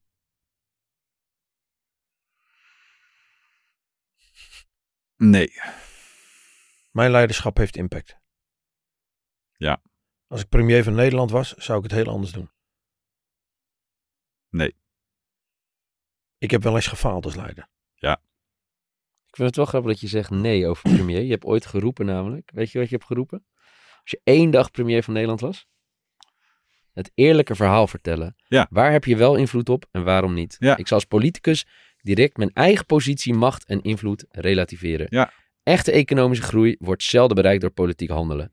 Dat gebeurt door externe ontwikkelingen in de rest van de wereld. Wees daar stuitend eerlijk over. Zeg dat ook gewoon tegen de kiezer. Ja. ik kan nog wel even doorgaan, Ja. maar eh, ja. Nou weet je, Een kiesdrempel wil je nog voorstellen van 5%. Ja. Als je uit een partij stapt en niet voldoende voorkeurstem hebt, dan terug de zetel aan de partij. Geen eenmansfracties zonder mandaat van de kiezer. En tot slot, publieke en commerciële journa- journalistiek zijn zowel motor, filter als katalysator van discussie en innovatie. Wees daar als politiek niet bang voor, maar doe je voordeel mee. Mijn bericht aan Den Haag, schrik niet als overheid als je soms gebeten wordt in de hand die het geld uitdeelt. nou daar, eh, poëtische teksten. Bewegende jij bent toch echt Jan, dit is Ja, de nee, maar- 21ste nee, maar- partij in Nederland. Nee, maar eh, ik ben, eh, hier sta ik nog volledig achter. Ja, dat- en, ik- en, en dat merk je ook. Eh, Je gaat ook gelijk rechtop zitten, want nou kom je even... nee, nee, maar, de, eh, Ja, nee, maar jongens. eh, ik wees zo eerlijk als politiek leider. Relativeer ook je eigen positie. Doe niet voorkomen dat je overal een antwoord op hebt, want dat is gewoon onmogelijk. Mhm. Maar claim niet altijd het succes van een ontwikkeling dat dat ligt aan het beleid van de politiek. Voor een heel groot deel van Nederland, die bewegen om de politiek heen. Mhm. En die organiseren een wereld om de politiek heen. Ja. En dat komt omdat het geloof in de politiek voor een deel weg is. Mhm. Dat het hun wereld niet meer is. Maar dat komt ook over de geloofwaardigheid van de politiek. Tegelijkertijd zit er een paradox. En als er een paradox zit, dan krijg je me echt recht op de stoel. Want dat vind ik het aller, allerleukste. We zeggen met elkaar dat het vertrouwen in de overheid nog nooit zo laag geweest is. Maar als er een probleem in de samenleving is, dan wendt iedereen zich tot de overheid en moet de overheid het oplossen. Terwijl vroeger werden dat soort taken en verantwoordelijkheden helemaal niet bij de overheid neergelegd. Helemaal niet. Maar juist nu, nu de, het vertrouwen het laagst is, Maar wat is jouw voorstel dan? nee, maar vindt iedereen, nee, maar ik vind, laten we eerst eens inzichtelijk met elkaar maken die paradox. Mhm. Dat dat bestaat. Dat Mhm. iedereen maar overal. eh, Ja, eh, maar dan, eh, want geef eens een voorbeeld wat vroeger zelf werd gedaan en wat nu door de overheid wordt Nou, gedaan. kijk, als de energiekosten stijgen, ja.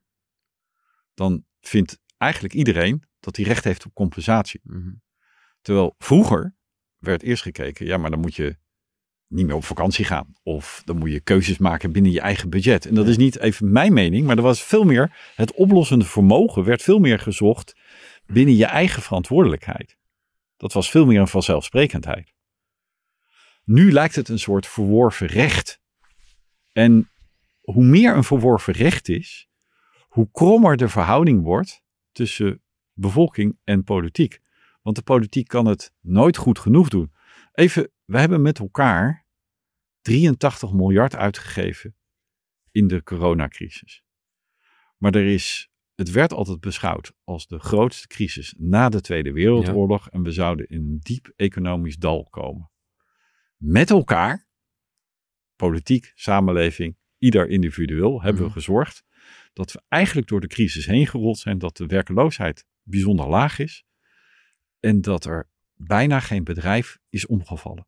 Dat is de kracht Nog van de niet. Nee, maar ik zeg altijd, ik maak een foto van dit moment. Ja, En dat we met de samenleving ja. dus 83 miljard kunnen steken in de coronacrisis.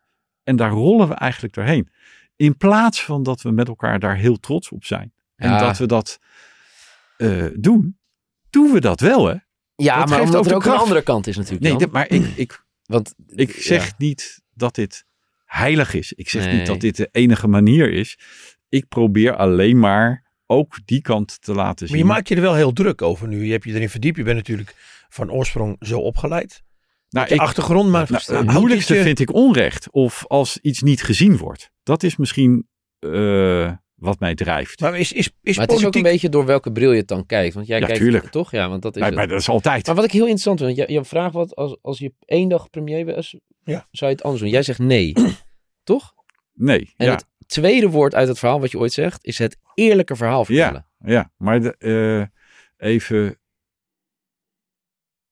Kijk, als je één dag premier bent... Oh nee, sorry, nee. Als ik premier van Nederland was, zou ik het anders doen.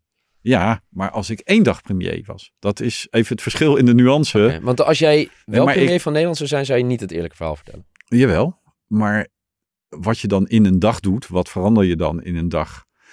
Wat ik sowieso vind, Ja. maar dat is. eh, kijk, het moeilijke nu in het politieke debat is: jij zegt het plafond is blauw, Mm. ik zeg het plafond is rood. Mhm. En wat geregistreerd wordt is: jij zegt het is blauw, ik zeg het is rood. De werkelijkheid is dat het zwart is. Ja. Wat laat je nou zien? Zeker. Laat je nou zien dat het zwart is? Of ga je in op de stelling dat jij vindt dat het blauw is en dat ik vind dat het rood is? Ik vind dat wij bewegen naar een samenleving die heel erg, als ik voor jou ben, is het blauw. Als je voor mij bent, is het rood. Maar er wordt betrekkelijk weinig gekeken naar de werkelijke kleur van het plafond. Dat vind ik jammer. Mhm. Ik vind dat er een verantwoordelijkheid zit bij de politiek, bij de journalistiek, om te kijken wat is nou de kleur van, de, van eh, eh, het plafond. Dat, dat, dat is wat ik probeer te zeggen. Waarom zijn wij zo afgedreven dan? Want jij bij de NOS ook al, die, al dat ja, soort ja, richtingen en wendingen gezien. Jazeker, dat, dat is. Daar kon je zelf sturing aan geven als baas. Jazeker, maar dat heeft ook mee te maken de snelheid van het nieuws en dat iedereen kan publiceren en publiceert. Dus je kan, je hebt veel makkelijker toegang tot je eigen publiek. Als jij nu iets wereldkundig wil maken, Ja. dan kan je dat wereldkundig maken. Hoeft niet meer via de NOS. nee, of de dus Telegraaf. eh, de bevestiging krijgen we wel via de NOS, via de Telegraaf, via de regionale omroepen. nou, in- in- Mm. in- Die in- bevestigen soms de berichten. Nou, wat, je, wat jij opzomde als eh, over trots over commerciële en publieke nieuwsvoorziening, Ja. is dat ik altijd hoop dat die aan eh, drie dingen doen. Dat Dat is een wekker, denk ik. zijn we dan. Eh, dat je tijd, je tijd is op voor Jan. Nee, ga door Jan. Er is de duiding, het filteren en in context plaatsen. En wat er nu eigenlijk heel veel gebeurt, en ik ga dat niet veranderen, ik kan het niet tegenhouden, daar heb ik ook geen enkele rol in of meer in, is dat die filter, die duiding en die context, die is verdwenen. Dus alles gaat ongelimiteerd, ongefilterd de wereld in. En daar zullen we een nieuw evenwicht voor met elkaar moeten vinden. Ja. Of niet, maar anders wordt het heel erg dat ik in een andere bubbel kan leven dan jij. En mijn bubbel is niet beter of slechter. Ik leef in een andere bubbel en daarmee in een andere werkelijkheid. Dus er bestaan parallele maatschappijen in hetzelfde land. En dat maakt het behoorlijk ingewikkeld. Maar denk je dat je als leider gevolgd kan worden als je niet het eerlijke verhaal vertelt? Ja hoor, daar zijn voldoende voorbeelden van, Ja. denk ik. Ja. Ja. Nee, maar het gaat mij altijd over, we hadden het net over directeur van Feyenoord, Ja.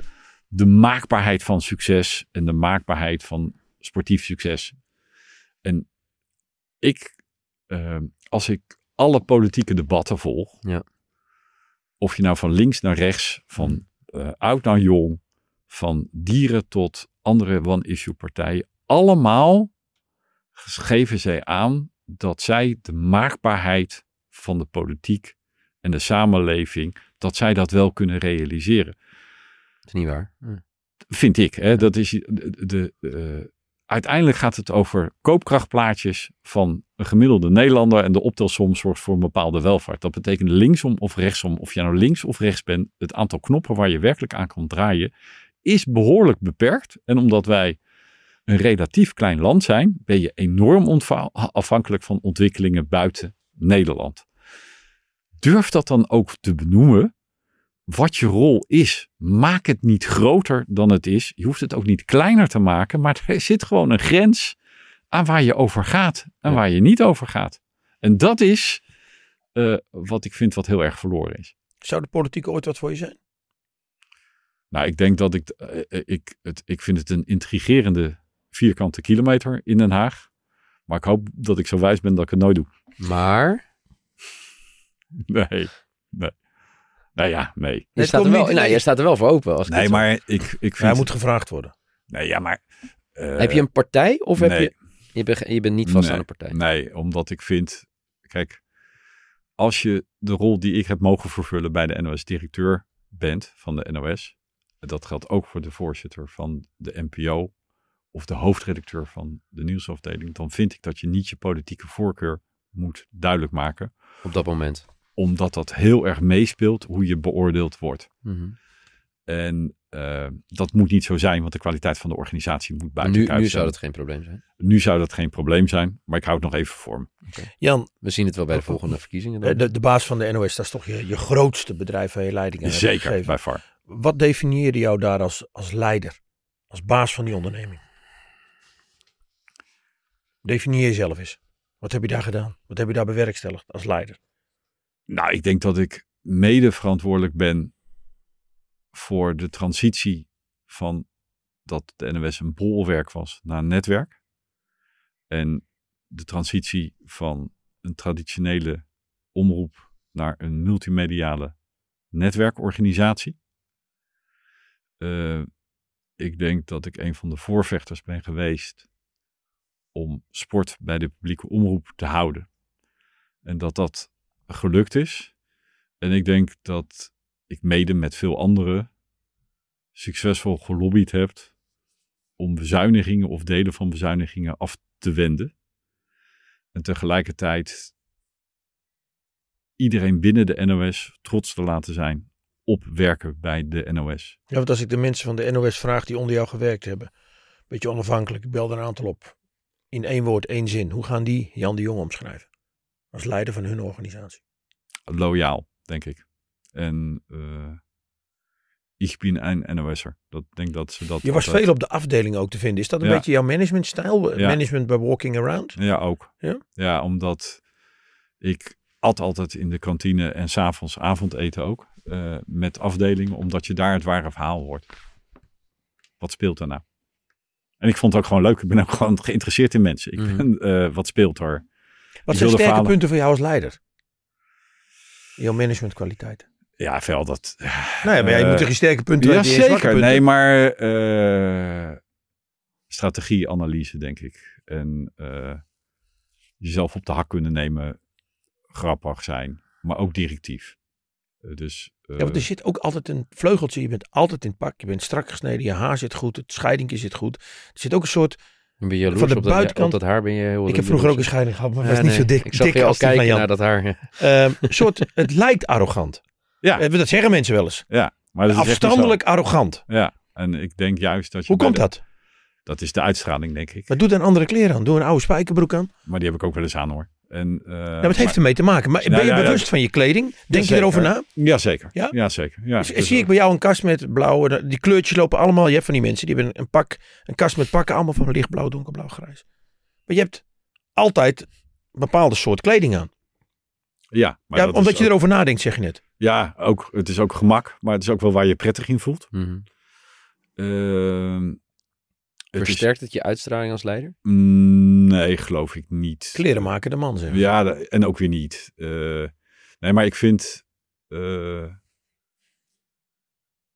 zelfverzekerdheid of overtuigd is iets anders dan arrogant. Ik hoorde pas een heel mooi woord. De ik-sterkte. Ja, dat vind ik zeker een mooi woord. Ja, dat vond ik Ja, nou iets zeggen. ja. Met, en het is geen arrogantie, maar als leider moet je overtuigd zijn van jezelf. Ja. Daarom zeg ik net ook, je moet weten wat je sterke punten zijn, maar ook wat je zwakke punten. Dat heet de ik-sterkte. Dat vond ik hartstikke maar mooi. ik denk juist dat ik ook met name bij de NOS, echt wel als empathisch eh, eh, gezien werd. En juist wat ik heel erg leuk vond, echt heel erg leuk vond, is dat mensen als ze problemen hadden, of die nou werkgerelateerd waren of niet werk, bij jou kwamen van, kunnen we er eens over praten, kunnen we er eens over sparren. Dus het zijn van een sparringpartner, dat is volgens mij het ultieme vertrouwen wat je kan krijgen. Eh, En eh, weet je, dat deed me vaak wat. Maar ik vind het dat- mooi dat je het over vertrouwen hebt. Want ik zat net te denken, je hebt in industrieën gewerkt, of werkt nog, voetbal, media. Waar de afgelopen jaren best wel wat incidenten zijn geweest over dingen die op de werkvloer zijn gebeurd. Eh, er wordt nu anders gekeken naar die incidenten dan bijvoorbeeld tien jaar geleden. Ja. Was je daar al vroeg bij, zeg maar, bij de NOS, dat je dacht, eh, machtsverhoudingen, hoe, hoe mensen met elkaar omgaan, opmerkingen op de werkvloer. Zonder dat, dat, ik weet helemaal niet of er ooit iets in jouw tijd bij de NOS is gebeurd. Of bij Nou, Feyenoord. Nou, maar weet je, als je 25 jaar bij de NOS werkt. Ja. En het is een 24 bedrijf. Waar ook grote groepen mensen bijvoorbeeld zes weken met elkaar verkeren in het buitenland voor Olympische Spelen of Ja. WK voetbal. Gebeurt dan, gebeurt, alles. dan gebeurt er van alles. Wat je ziet is dat door de tijd heen daar steeds anders naar gekeken wordt. Mhm. Dus daar werd, toen ik bij de NOS begon, heel anders naar gekeken dan toen ik wegging bij de NOS. Dat is gewoon, dat zie je op elke redactie, dat zie je Ja. in elk bedrijf. En daar moet je wel in meebewegen. Hoe doe je dat? Nou, om je te laten voeden door mensen die dat ook duidelijk aan je maken. Ja. Nou, je, je, moet- je moet natuurlijk ook ergens wel zelf antennes hebben. Ja. Maar een van de dingen waarom ik het zo leuk vond en belangrijk vond om altijd te lunchen in de kantine en s'avonds te eten bij de redacties, omdat je dan gewezen wordt op dit soort. Dat zet je aan het denken. Ja. Maar dat is de Namelijk- reflectie met je mensen op de werkvloer. Hè? Heb je ook reflectie als leider in je leiderschap? Ja, Met gelijkgestemden, eh, vrienden, toppers uit het bedrijfsleven. Zeker. Hoe reflecteerde jij? Hoe ontwikkelde jij jezelf? Nou, er is een aantal mensen wat verschrikkelijk belangrijk is geweest voor mijn ontwikkeling. Kun je er iets over zeggen wat ze jou dan bijgebracht hebben? En is dat dan van ouders? Is dat dan vrienden? Is dat dan Nee, grote leiders? dat is meestal van eh, mensen die ik zelf heel hoog had zitten. Kun je namen in werk. Ja, zeker wel. Wie hebben jou Eh, geïnspireerd? nou, een heel aantal. Kees Vis, dat is misschien wel de allerbelangrijkste. Kees Vis was lang topambtenaar bij het ministerie van eh, OCMW. Eh, werd later directeur bij de Ster. Was ook eh, bij PCM in de directie en zat in de raad van bestuur. Dat was denk ik een van de allerslimste mensen die ik ooit heb meegemaakt. En altijd elk probleem anders durft te, be- te bekijken. Maar nu ga ik even naar jou. Je bent leider. In, je, in jouw carrière bij de NOS heb je problemen. Legde je dan een probleem bij zo iemand Ja, neer? Of ja. een moeilijke vraag? Belde je hem op van, joh, ik zit hier met een probleem. Eh, kun je me helpen? Ga je dan reflecteren? Want hoe doe je dat als leider? Nee, maar, Zeg maar leiders die ook luisteren, die, die hebben een probleem en die, die reflecteren misschien niet. Wat deed je? nee, nee, nee. Ehm, altijd mensen opzoeken en het verhaal vertellen van dit is het probleem. Ik denk hier en hier aan als ik het nou met jou bespreek. Hoe kijk jij daar nou aan? En eh, ik hou heel erg van tekenen op het bord. En dan hoop ik ook dat de ander tekent op het bord. Dus ehm, als eh, je hebt mensen dat als het probleem groot wordt, zichzelf isoleren. Ik ben juist dan heel erg van nee, ik wil mensen om me heen waar ik het verhaal tegen kan vertellen. En tekenen, oplossingen. Dan vind ik het heerlijk. Moeten die om mensen in jouw, jouw, jouw gebied zitten in de media? Zocht je ze in de media of juist Mm, niet? Dat hoeft niet. Want je had Kees Vis, wie had je nog meer? Nou, Ruud Bierman, eh, eh, Matthijs Linneman, wat een, een hele goede jurist is binnen de NOS. Maar is, is het ook wel een advies van je, zoals je net ook zei, aan, aan jonge managers? Joh, zoek mensen om je heen op de momenten dat je het moeilijk hebt met klanken, waaraan je kan reflecteren. Jazeker, nee, maar Ja, omdat Nee. je zegt, ik zie ook mensen die isoleren zich. Dat zie Ja, ik ook. ja, ja, zeker. Nee, maar eh, weet je, het is heel moeilijk als er druk ontstaat, om dan altijd nog goed en rustig te blijven nadenken. En dan is er heel, gaan mensen vaak op de overlevingsstand. En die overlevingsstand is vind ik, maar nogmaals, dat is maar een observatie, vaak de verkeerde stand. Want je moet juist bewegen naar de oplossingsstand. En de oplossingsstand en de overlevingsstand, die zijn niet altijd hetzelfde.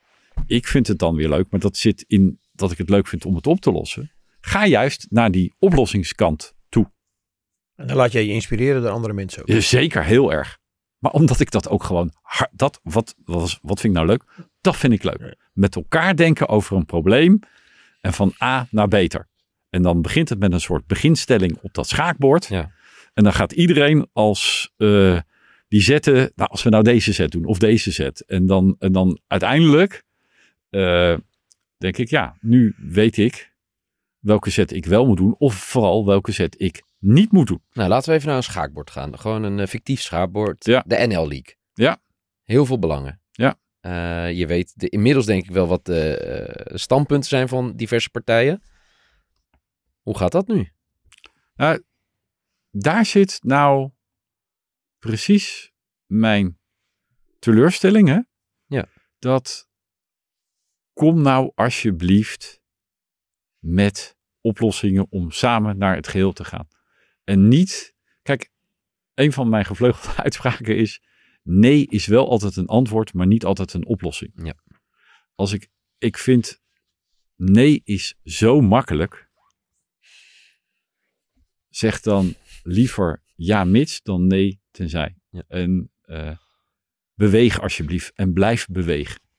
Ja, je- voor jou is het belangrijk dat mensen blijven bewegen. Maar hoe zorg je ervoor dat mensen die anders dan jou in de wedstrijd zitten, toch blijven bewegen? Ja, dat is heel moeilijk, omdat...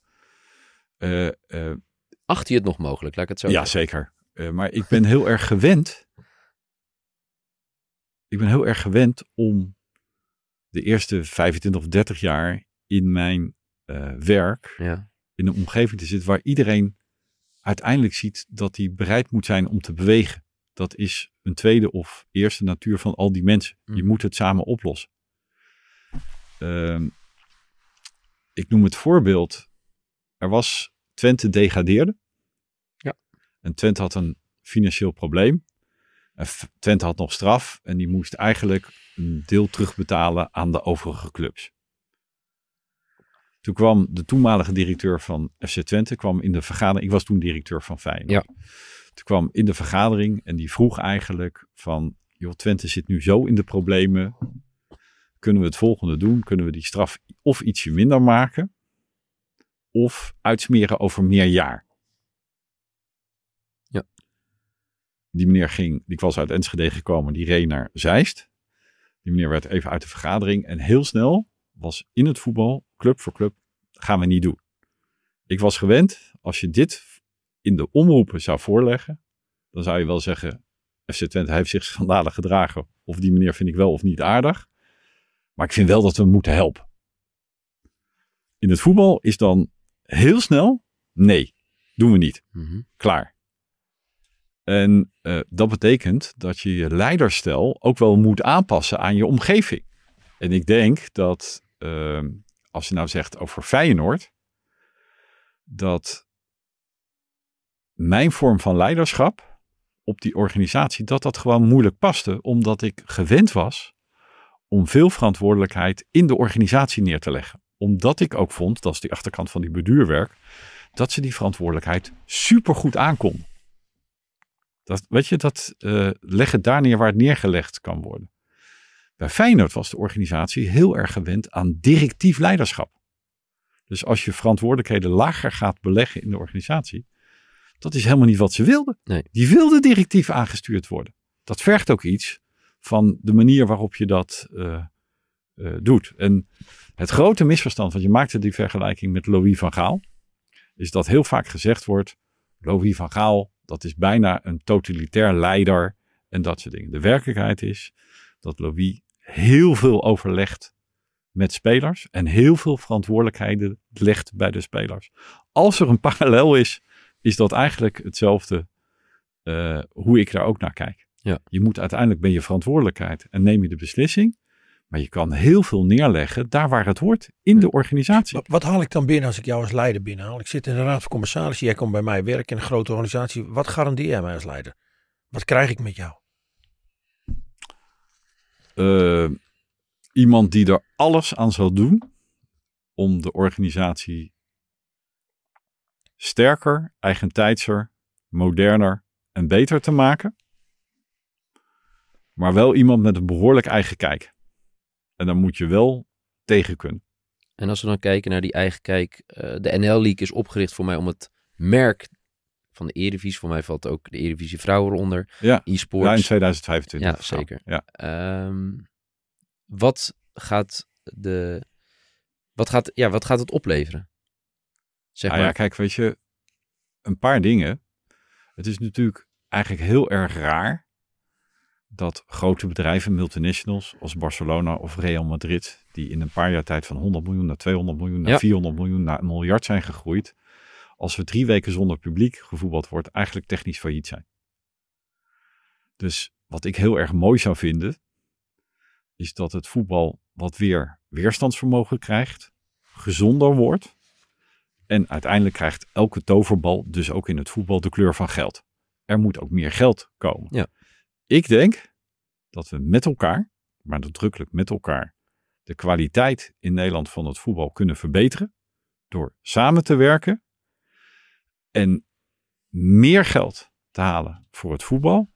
Maar daar ook een aantal dingen aan te verbinden, waardoor de kwaliteit van het voetbal beter wordt.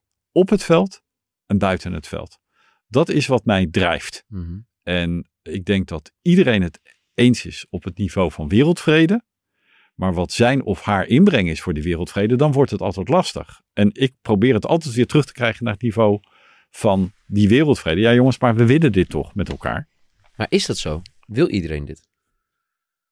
Nou ja, kijk, als Nederland vijf keer zo klein is, en dat is een gegeven, en dat duurt nog wel even of je dat ooit inhaalt ten opzichte van Engeland, Frankrijk, Duitsland en Spanje en Italië, dan heb je altijd een achterstand op die vijf grote landen. Zeker. En ik denk dat het innovatieve karakter van Nederland, de opleiding, de eigen wijsheid, het op een eigen manier doen, een van de kerncompetenties is van dit land, waardoor we toch heel vaak heel goed kunnen presteren en al in drie WK-finales gestaan hebben. Dus maak nou van dat unieke ook de kans om iets eh, groter te maken. En eh, het is Klinkt als een goed verhaal, maar toch zijn er de, de, de, de grote clubs die zeggen, ja, het is heel mooi, wereldvrede. ja, Maar wij hoeven En ik merk wel dat de grote clubs wel ook wel voor, voor de wereldvrede gaan. Ik denk dat die overtuiging er wel is. Ik denk alleen het moet bij elkaar gebracht worden. En dan gooi ik hem even naar Jan. Ehm, Jij zit natuurlijk aan de andere kant. Ja, ik zit aan de andere kant. ehm, maar wat mij dan intrigeert, ook als ik in de zaal zit natuurlijk, dan denk ik, hé, hey, wat zou ik doen als ik in de schoenen van Jan zou staan? En wat, wat doet dit jou? Want het is, eh, en een league maken is ook geen makkelijk proces. Hè? Laten we even, en zeker in de voetballandschap met allemaal boquito's. Wat doet het met jou als leider om in dat proces te zitten en iedereen kijkt naar jou, dat jij het eigenlijk bij elkaar moet brengen? Terwijl je ook weet dat het soms heel moeilijk is. Je gelooft erin, dat zie ik altijd aan je. ja. Maar wat doet het met jou? Je bent ook mens. Nou, Er wordt iets verwacht daar. eh, Nou, eh, eh, eh, eh, eh, gek genoeg vind ik die puzzel ook wel razend interessant. nou, dat ligt bij je kernkwaliteiten, want je houdt van de analyse, Ja, je dus houdt van ik problemen. denk Nou, dit is dat- een probleem, moet opgelost ik denk, worden. Ik denk dat er, maar dan loop ik even vooruit, eh, in de vergadering van 1 december aanstaande een aantal voorstellen van de kant van de Eredivisie gaan komen om Mm. de impasse te doorbreken. Wat ik heel erg gehoopt had, is dat van degenen die nu niet voor zijn van de NL League, ook met voorstellen waren gekomen het afgelopen jaar om het te doorbreken. En wat heel erg vergeten wordt, in 2018 hebben we de veranderagenda. Ja, zeker. Daar stemt iedereen voor, voor het bewegen naar een league model. In eh, 2020, en wel op 23 november, zijn alle 18 clubs voor, voor de uitwerking van het businessplan richting de NL League. Dan wordt er nog getoetst in maart, in april. En dan is het jammer dat je uiteindelijk bij het stemmen niet alle 18 voor hebt. Dat kan. En dan is het nog vervelender dat Ajax en Feyenoord daar niet eh, bij eh, voor zijn. Dus er is ergens gedurende de rit, is er wat veranderd. Ja, maar dat komt misschien wel omdat op die wereldvrede zijn we mee eens. Maar Mhm. als je dan gaat uitwerken wat dat betekent voor een individuele bijdrage. Ja. Kijk, ik zei altijd, de eredivisie is een vehikel. Dat werkt uitstekend als je veilig wil zijn en wil remmen. Daar zit een hele goede rem in. Hmm. Dat betekent dat de topclubs, en niet geldt ten onrechte, dingen kunnen tegenhouden.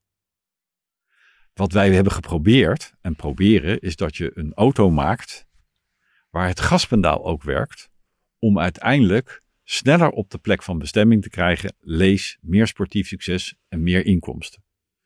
Dat betekent ook dat jouw voet van de rem eraf moet en dat je vertrouwen moet hebben in degene die op het gaspedaal mag drukken.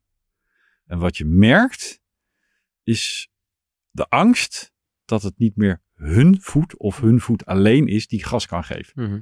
Dus het is ook de gevoelde perceptie dat je een deel van je autonomie moet inleveren. Maar er zijn natuurlijk voldoende bewijzen, Duitsland, Engeland, Italië, Spanje, Amerika, Mhm. waarin het hebben van een league-model ten goede komt aan het grotere geheel.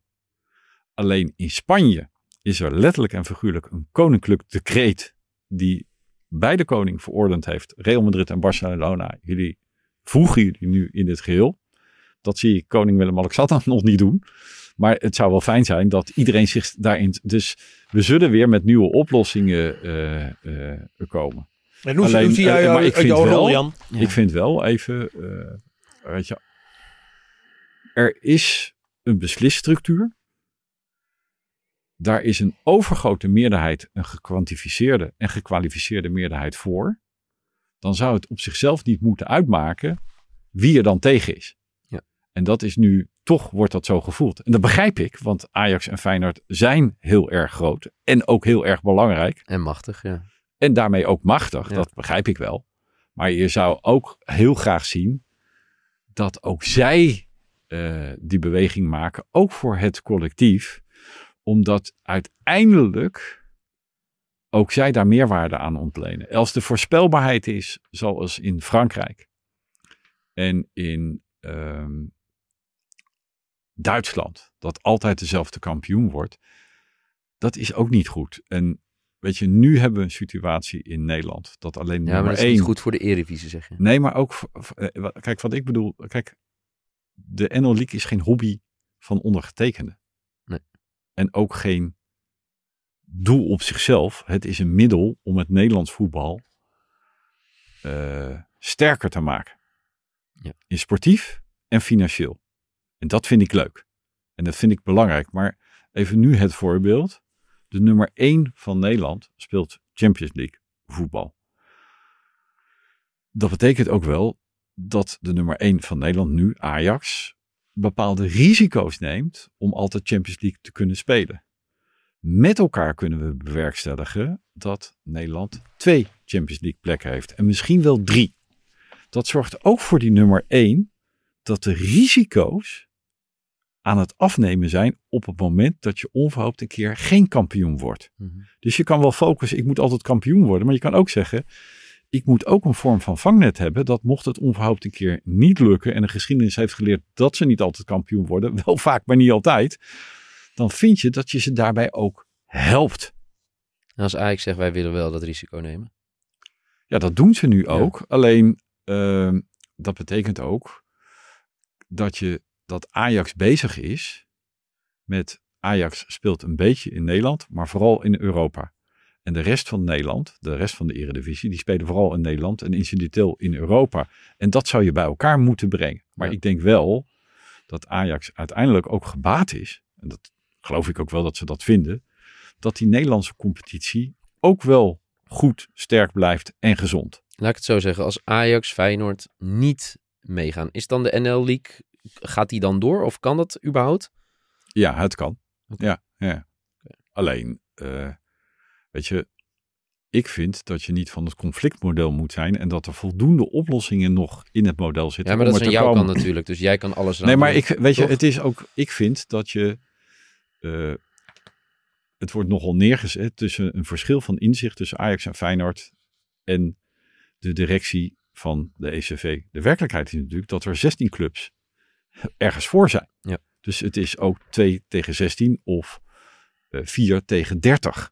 dat wordt nogal vergeten dat eh, de andere clubs het wel een goede richting Wordt het vinden. dan voor jou te veel op de man gespeeld in zo'n situatie? Voel je dat in je leiderschap? Dat bedoelde ik eigenlijk net ook te zeggen. Je staat daar. Voel- Voelt het dan zo? Eh, niet als dat het vervelend is, maar ik zie het wel gebeuren. Omdat het makkelijker is om het op de man te Hoe spelen. spelen ze het op de man dan?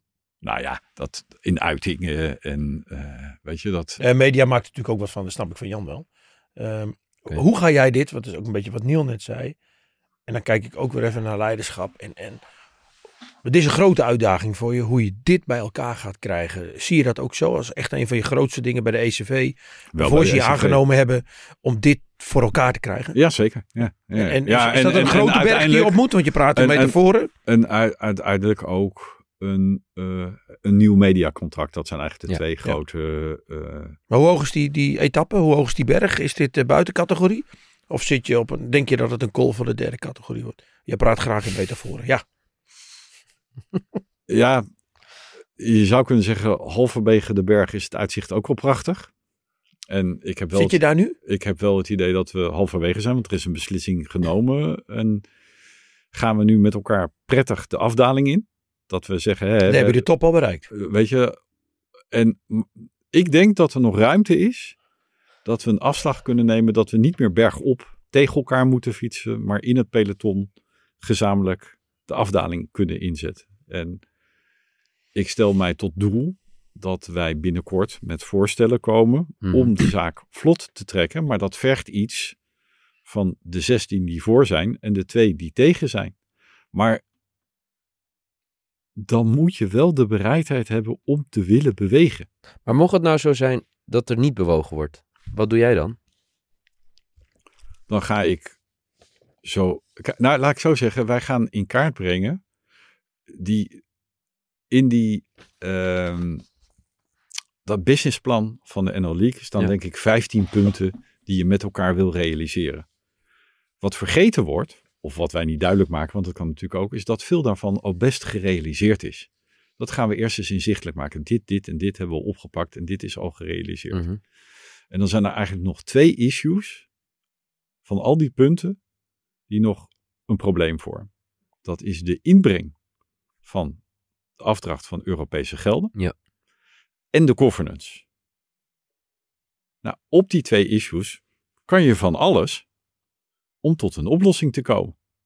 Nou, dit betekent dat wij belang, onder, het was beloofd dat eh, Ajax en Feyenoord met tegenvoorstellen zouden komen. Nou, ik heb die nog niet gezien of mogen ontvangen. Dat betekent dat nu de tijd is dat wij zelf met bewegingen komen die leiden tot een oplossing. Eén daarvan is, draag nou wel een bepaald bedrag af en we zorgen dat iedereen in de eredivisie op gras gaat spelen. Ja. Weet je, dan heb je echt, dat kan een oplossing zijn.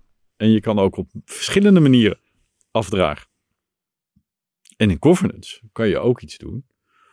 Als, maar het grappige is, hè, dus er is binnen de keukenkampioen-divisie, de eerste divisie, is het gevoel, we raken te veel macht kwijt als kleine clubs. Binnen Ajax en Feyenoord hebben ze wel het gevoel, ja, maar straks gaat Top Os of Den Bosch of wie dan ook, die gaan heel veel beslissen. Nou, dat betekent dus dat je eigenlijk een beetje op de goede weg zit. Want allebei wordt gevoeld, hey, er gebeurt iets in de verhoudingen. Maar dat moet je wel willen inzien. Hmm. En ik denk dat als op enig moment het mediadossier beslecht is, als er in de tijd een nieuw contract is, Ja. dat de angst voor de governance en de verdeelsleutel, dat dat dan ook is opgelost. Dus die dingen hangen allemaal met elkaar samen. En kijk, ik begrijp best dat Ajax en Feyenoord zeggen, wij maken ons zorgen over het verdeelmodel dat er morgen besloten wordt om het communistisch te gaan verdelen. Nou, Een tv-contract. Bijvoorbeeld, Ja. mediacontract Ja. noem ik dan altijd. sorry, mediacontract. Ja, heel goed. Eh, eh, om het communistisch te gaan verdelen. Ja. Nou, zeg dan, voor de duur van de overeenkomst vind ik dat de verdeelsleutel eh, gehandhaafd moet blijven zoals die is afgesproken. Nou, dat, ik denk dat andere 16 clubs daar morgen zomaar ja tegen zeggen. Vermoed ik. Maar kom er dan mee. Nou, dat komt niet, dus dan zullen wij met dergelijke voorstellen Hoe gaan groot komen. schat je de kans dat er weer voor 13 jaar een, media, een mediacontract wordt afgesloten? Die acht ik heel klein. Want? Omdat ik denk dat eh, de behoefte is om dat voor kortere tijd te doen. Wat wordt het belangrijkste bij het mediacontract? Ja, dan natuurlijk het logischste antwoord is natuurlijk geld. Maar los van het geld, wat, wat vind je heel belangrijk bij het afsluiten van het mediacontract? Dat je de mogelijkheid hebt om mee te blijven profiteren van de ontwikkelingen in de wereld. Mhm. En dat je. eh, Dat is nu eigenlijk schier onmogelijk gezien. Dat, nee, dat toch? is niet zo. Want eh, wat vergeten wordt, is dat wij nu in een joint venture zitten. Waar je voor 44,1% aandeelhouder Mhm. bent. En ook zelf aan het stuur zit. Alleen werd dat niet zo gevoeld, maar dat is wel zo. Oké. Dus je kan ook je eigen toekomst bepalen. Ja.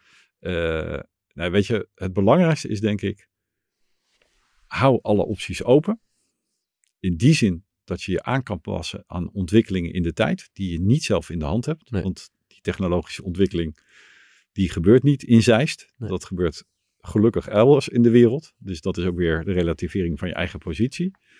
En ik denk de zekerheid en de garantie dat waar je instapt, je ook dat brengt wat je wil. Dat vind ik de zwaarste verantwoordelijkheid van de directie van de ECV. Dat je, eh, er zijn namelijk in de omringende landen op papier hele lucratieve contracten afgesloten. Maar dan blijkt toch de praktijk een hoop weerbarstiger.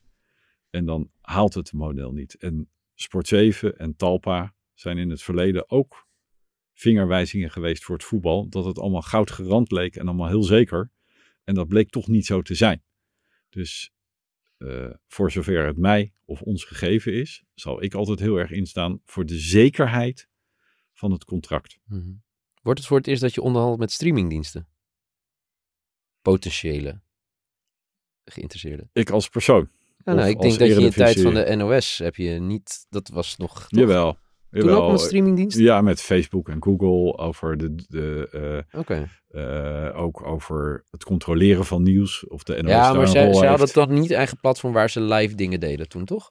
Live is sportevents Nee, maar dat is tot op de dag van vandaag nog steeds zeer beperkt. Hoe zie je die Nou, ontwikkeling, Jan? Want daar wordt nu, veel over gesproken. Hoe zie jij die ontwikkeling van dat soort streamingdiensten? We zitten nu in een Nee, podcast de- waar we tien eh, jaar... Amazon heeft eh, rechten, eh, Apple TV heeft rechten. Ja, nee, eh, je ziet dat ze aan het pootje baden zijn. Ze Ja. zijn voorzichtig aan het proeven. Gaan we daar instappen Ja. of niet?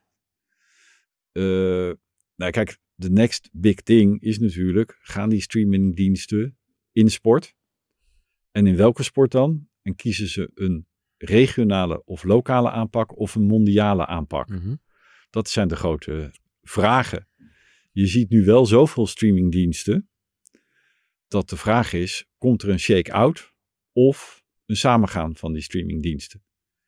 Maar het lijkt niet dat al die streamingdiensten naast elkaar kunnen bestaan. Nee. Wat je eigenlijk ziet is dat er eerst ingezet is op ongebreidelde groei van het aantal abonnees. Zeker. En dat is ook spectaculair. Ja. Het is ongekend hoe snel eh, het aantal abonnees op die streamingdiensten er zijn. Hè, Netflix 200 ik, ik, ik miljoen, weet niet hoeveel je er zelf hebt. Disney eh 170 miljoen in twee jaar tijd. Wereldwijd moet je aangaan hoe, hoe, hoe dat zich Ja. letterlijk aanjongt. Ongelooflijk. Ja.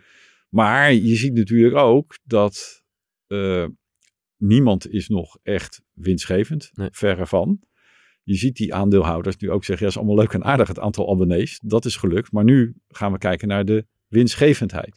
Nou, dat wordt natuurlijk het spanningsveld van de komende jaren. Hoe wordt een streamingdienst ook lucratief? Niet alleen als je content levert, maar ook voor de aandeelhouders. Ja. Dat er geld aan verdiend wordt. Dan eh, lijkt het erop dat er ook wel weer een shake-out of een samengaan van. eh, eh, kijk, het is natuurlijk op lange termijn niet vol te houden als je alleen maar verlieslatend bent.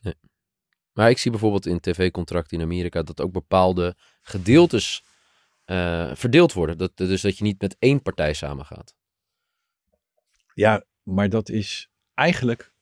eh, er zijn eigenlijk twee modellen. Amazon kiest nu eigenlijk om in de sportrechten te gaan, maar in stukjes. Om een doelgroep te bereiken die ze met andere content niet bereiken. Ja. Maar het is niet zo dat Amazon daar veel meer betaalt, voor betaalt dan wat in het verleden betaald wordt. Dus die zoeken eigenlijk de krenten in de pap voor een bedrag wat niet substantieel uitstijgt boven het boven, Nee. over het vorige. Dat is meer omdat bestaande partijen het niet kunnen of niet willen ophoesten.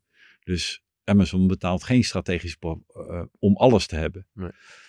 Er wordt vaak de deal van de MLS en Apple Mhm. gekeken. Als je dat afpelt, en jullie kennen me nu naar die andere, dat heb ik uit en daarna gedaan, betekent dat een gemiddelde Amerikaanse club al haar rechten inbrengt voor de komende tien jaar, Ja. voor Amerika en buiten Amerika. En dat een club in Amerika daar ongeveer gemiddeld 7,5 miljoen euro per jaar aan overhoudt. Dat is niet heel erg veel. Nee. Dus het Wat klinkt was heel... het voorheen? Nou, het is wel meer dan voorheen, Ja. maar eh 7,5 miljoen is minder dan wat Ajax, Feyenoord, PSV nu krijgen uit de Nederlandse mediadeal. Hm. Dus het klinkt super, Apple gaat erin en het is fijn om een bedrijf als Apple te hebben, want dan heb je in ieder geval innovatie aan boord. Maar je moet de cijfers wel duiden en in context plaatsen. Ja. Daar zitten bijvoorbeeld in die anderhalf miljard ook de productiekosten en andere dingen. Dus eh, het is maar hoe zien de kleren van de keizer eruit? Ja. En eh, waar gaat het heen? Maar uiteindelijk moeten die streamingdiensten gaan bepalen: gaan we in sport? Welke sport gaan we? Eh, en doen we dat mon- mondiaal of doen we dat lokaal? Nou, volgens mij is jouw ambitie ook om toch met de NL League om Nederland, of in ieder geval de Eredivisie, of alle competities onder, die in 2025 onder de NL League gaan vallen, om dat ook internationaal beter weg te zetten. Zeker. Ja, Ja. ja. zeker. Zijn er dan markten waar je dan nu over na zit te denken? Ja, Of- zeker. wat zijn markten die je echt interessant vindt? Bijvoorbeeld Marokko en Waarom? Turkije. Van, eh, vanwege de binding met de Nederlandse markt? Nou, er zijn op dit moment, eh, ik, ik kan er even naast zitten, 26 of 36 Marokkaanse spelers alleen al in de eredivisie. Ja. Waarvan een aantal ook in het nationale team spelen. Er, er is natuurlijk een grote Nederlands-Marokkaanse of Marokkaanse-Nederlandse gemeenschap. En dan ga je kijken of je daar kan ontwikkelen. Ja. Turkije is ook zo precies hetzelfde. En Turkije is een hele grote markt op het gebied van media. Daar gaat veel geld in om. Nou, dat zijn misschien quick wins om te kijken of je daar iets mee kan. De- werken jullie ook samen bijvoorbeeld met de KNVB? De KNVB heeft Zeker. volgens mij zich ogen nu gericht op Indonesië. Ja. Zou dat dan ook iets zijn, zeg maar? Ja, eh, zeker. Alleen je hebt nu nog relatief weinig spelers uit Indonesië in de Zeker. Nederlandse competitie. Niet. Eh, dit moment nee, zelfs. weet je. En eh, Tenzij jij een primeur hebt wie NEC nu binnen gaat halen. We hebben nog niemand aangetrokken uit die kant. eh, nee, maar eh, dat is natuurlijk gezien het historisch verleden Ja.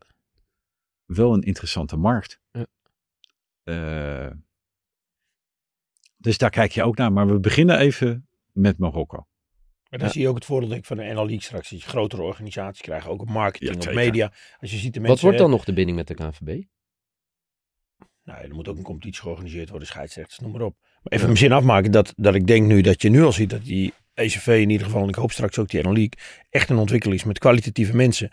Dat ook dit soort strategische concepten, zoals Marokko, Indonesië, waar ze nu mee bezig zijn, ja, dat hebben de laatste jaren niet gedaan. En Nee. dan wordt het voetbal echt nog meer ontwikkeld. Krijgen we uiteindelijk betere sportieve prestaties door de gelden die meer binnenkomen. Dus ik vind die ontwikkeling vind ik een hele goeie. Nou, ik denk En dat het ook een groot bedrijf wordt. Kijk, er zitten een, een paar mannen en een paardenkop. Hè, die heeft gewoon Ja. de Nederlandse Eredivisie. Dat kan eigenlijk gewoon niet. Nee, weet je, La Liga heeft op dit moment duizend mensen in dienst. Ja. Duizend. Dan moet je afvragen, is dat nou eh, Hoeveel werken er bij jou, Jan? tien? Tien FTE's, of eh, tien eh, mensen en acht Dan FTE's? ga ik me toch nog even... Je, je komt dan bij Feyenoord binnen. Aan de buitenkant lijkt het groot en dan kom je binnen. Dan moet bij de ECV een nog grotere Nou, ik, eh, ik ging van duizend mensen naar 400 mensen naar tien mensen. Dat is... Dus de volgende is dat je voor jezelf gaat beginnen. Ja, eenmanszaak. Eenmanspartij. Maar als je een bedrijf Kom jij zo- van het lot? Als je een bedrijf, dan gaan een beetje naar de afsluiting. Als je bedrijf zou moeten beginnen, waar zou dat in zijn? Een eenmanszaak, Jan de Jong BV. Ik denk strategisch advies. Dat is advies. Ja. Even voor de luisteraars. De belangrijkste lessen tot nu toe in jouw carrière. Op het gebied van leiderschap. Wat wil je meegeven? Wat kan je meegeven? Luister, luister en luister, maar vind je eigen koers. Met de wetenschap van nu, wat had je in die rijke carrière anders willen doen, anders moeten doen? Waar heb je gefaald? Wat, zijn, wat is Nou, je ik grootste les? misschien wel 10 miljoen dingen anders willen doen, maar ik ben niet ontevreden met waar ik nu ben, zowel als persoon als in eh, carrière eh, aspect. Want omdat elke keer dat je iets niet goed doet of waar je struikelt, ligt ook een schat begraven. Dat neem je weer mee naar de volgende keer. Je bent, Maar- ik vind, ik ja. vind voor mezelf, ik ben heel lang super onbevangen geweest. En eh, als ik nu kijk wat ik op jonge leeftijd gedurfd heb, gedaan heb en eigenlijk alles getart heb wat getart kon worden, vind ik dat eigenlijk heel erg grappig. Maar ik heb dat nu meer door dan dat ik het toen door had. Dus eh, de lef en durf om eh, het gesprek over te nemen. Ook al ben je in de hiërarchie nog heel laag of heb je eigenlijk helemaal geen positie, maar toch op een moment dat het erom gaat je verantwoordelijkheid pakken. Dat vind ik heel erg mooi. Dat is heel vaak onbegrepen geweest. Eh, Wat doet die nou of waar durft hij van? Maar ik vind het wel mooi dat ik die onbevangenheid had. Ik weet niet precies waar die vandaan komt, maar ik, ik had hem en heb hem wel. Mhm.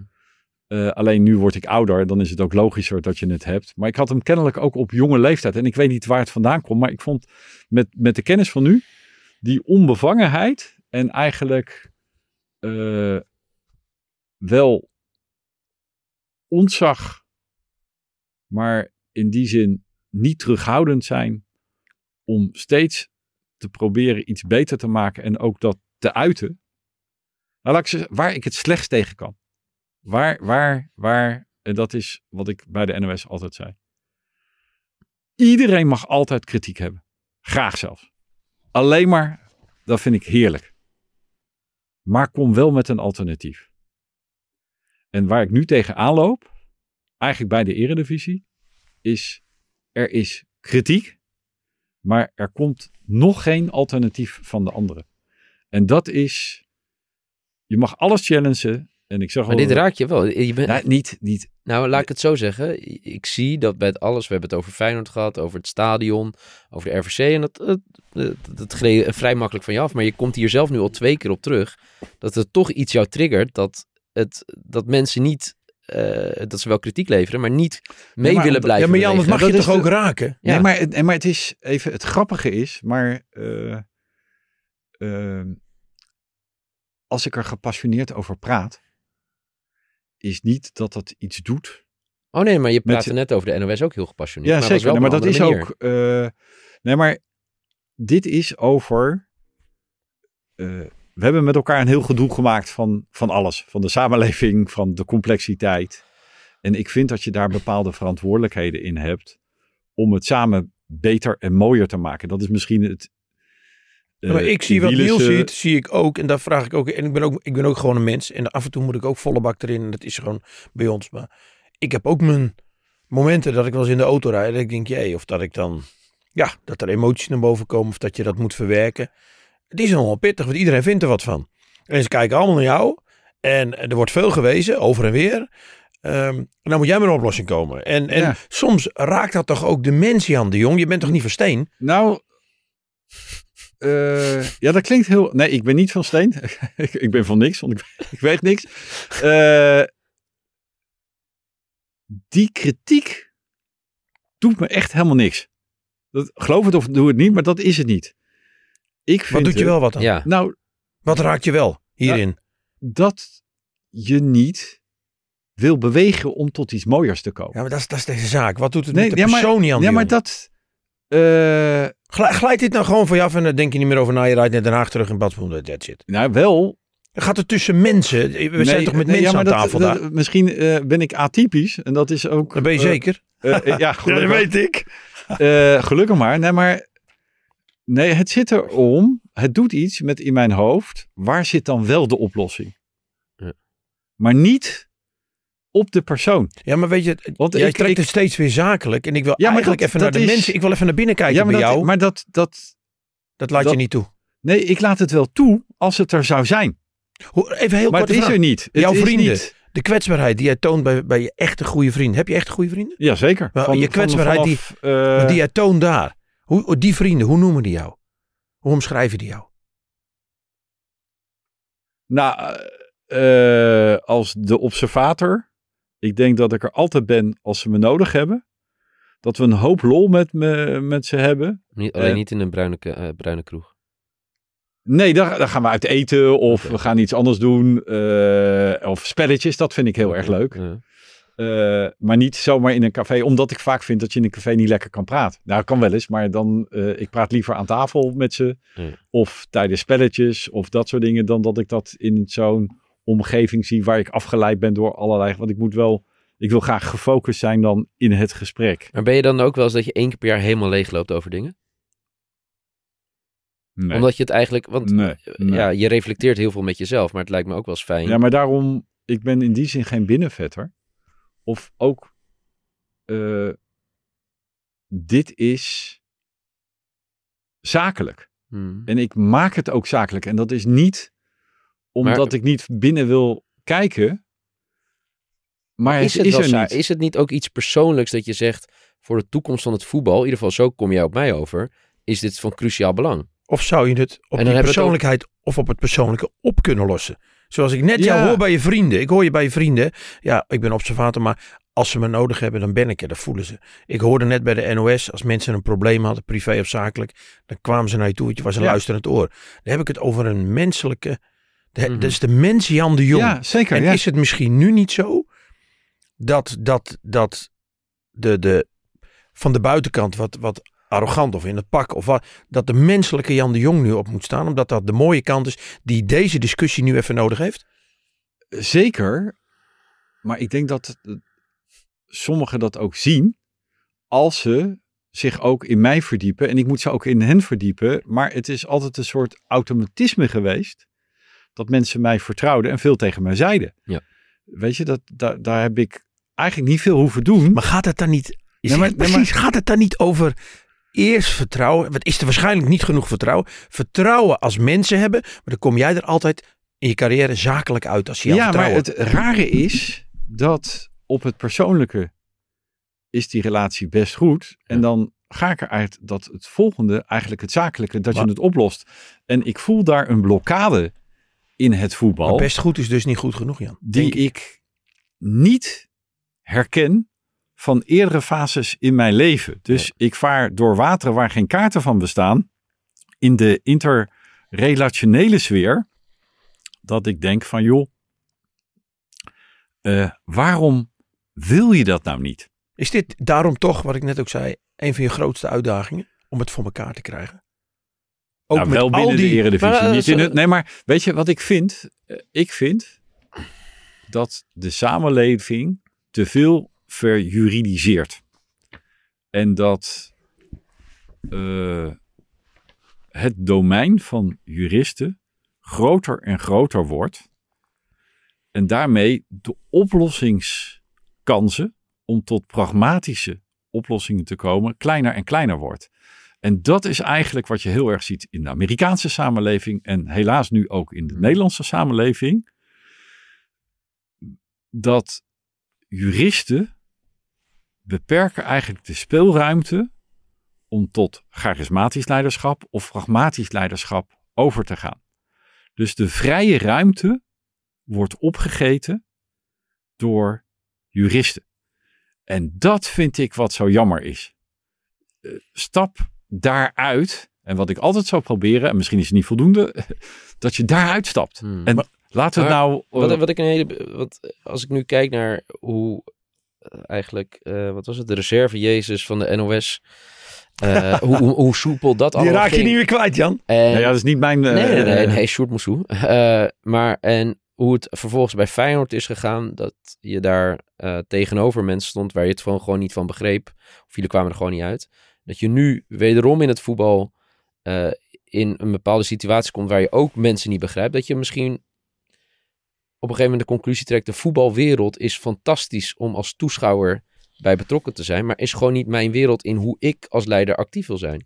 Ja, dat zou zijn als er niks zou lukken in het voetbal. Of niks. En ik durf wel te zeggen dat we de afgelopen 2,5 jaar heel veel met elkaar bewerkstelligd hebben. Oh nee, maar ik, ik, ik denk dus- dat ook nee, maar de maar- grote dossiers uiteindelijk, om dat voor elkaar te krijgen in een, hoe je de voetbalwereld ook wil omschrijven. Maar dat zou een conclusie, ik zeg niet dat je die conclusie moet Nee, nee, nee, maar het is een hele eh, mooie eh, eh, observatie dat dat zo zou kunnen zijn. Maar daar ben ik nu nog niet, omdat de uitdaging om het toch gedaan te krijgen is veel groter dan, dan wat dan ook. Daar zit gewoon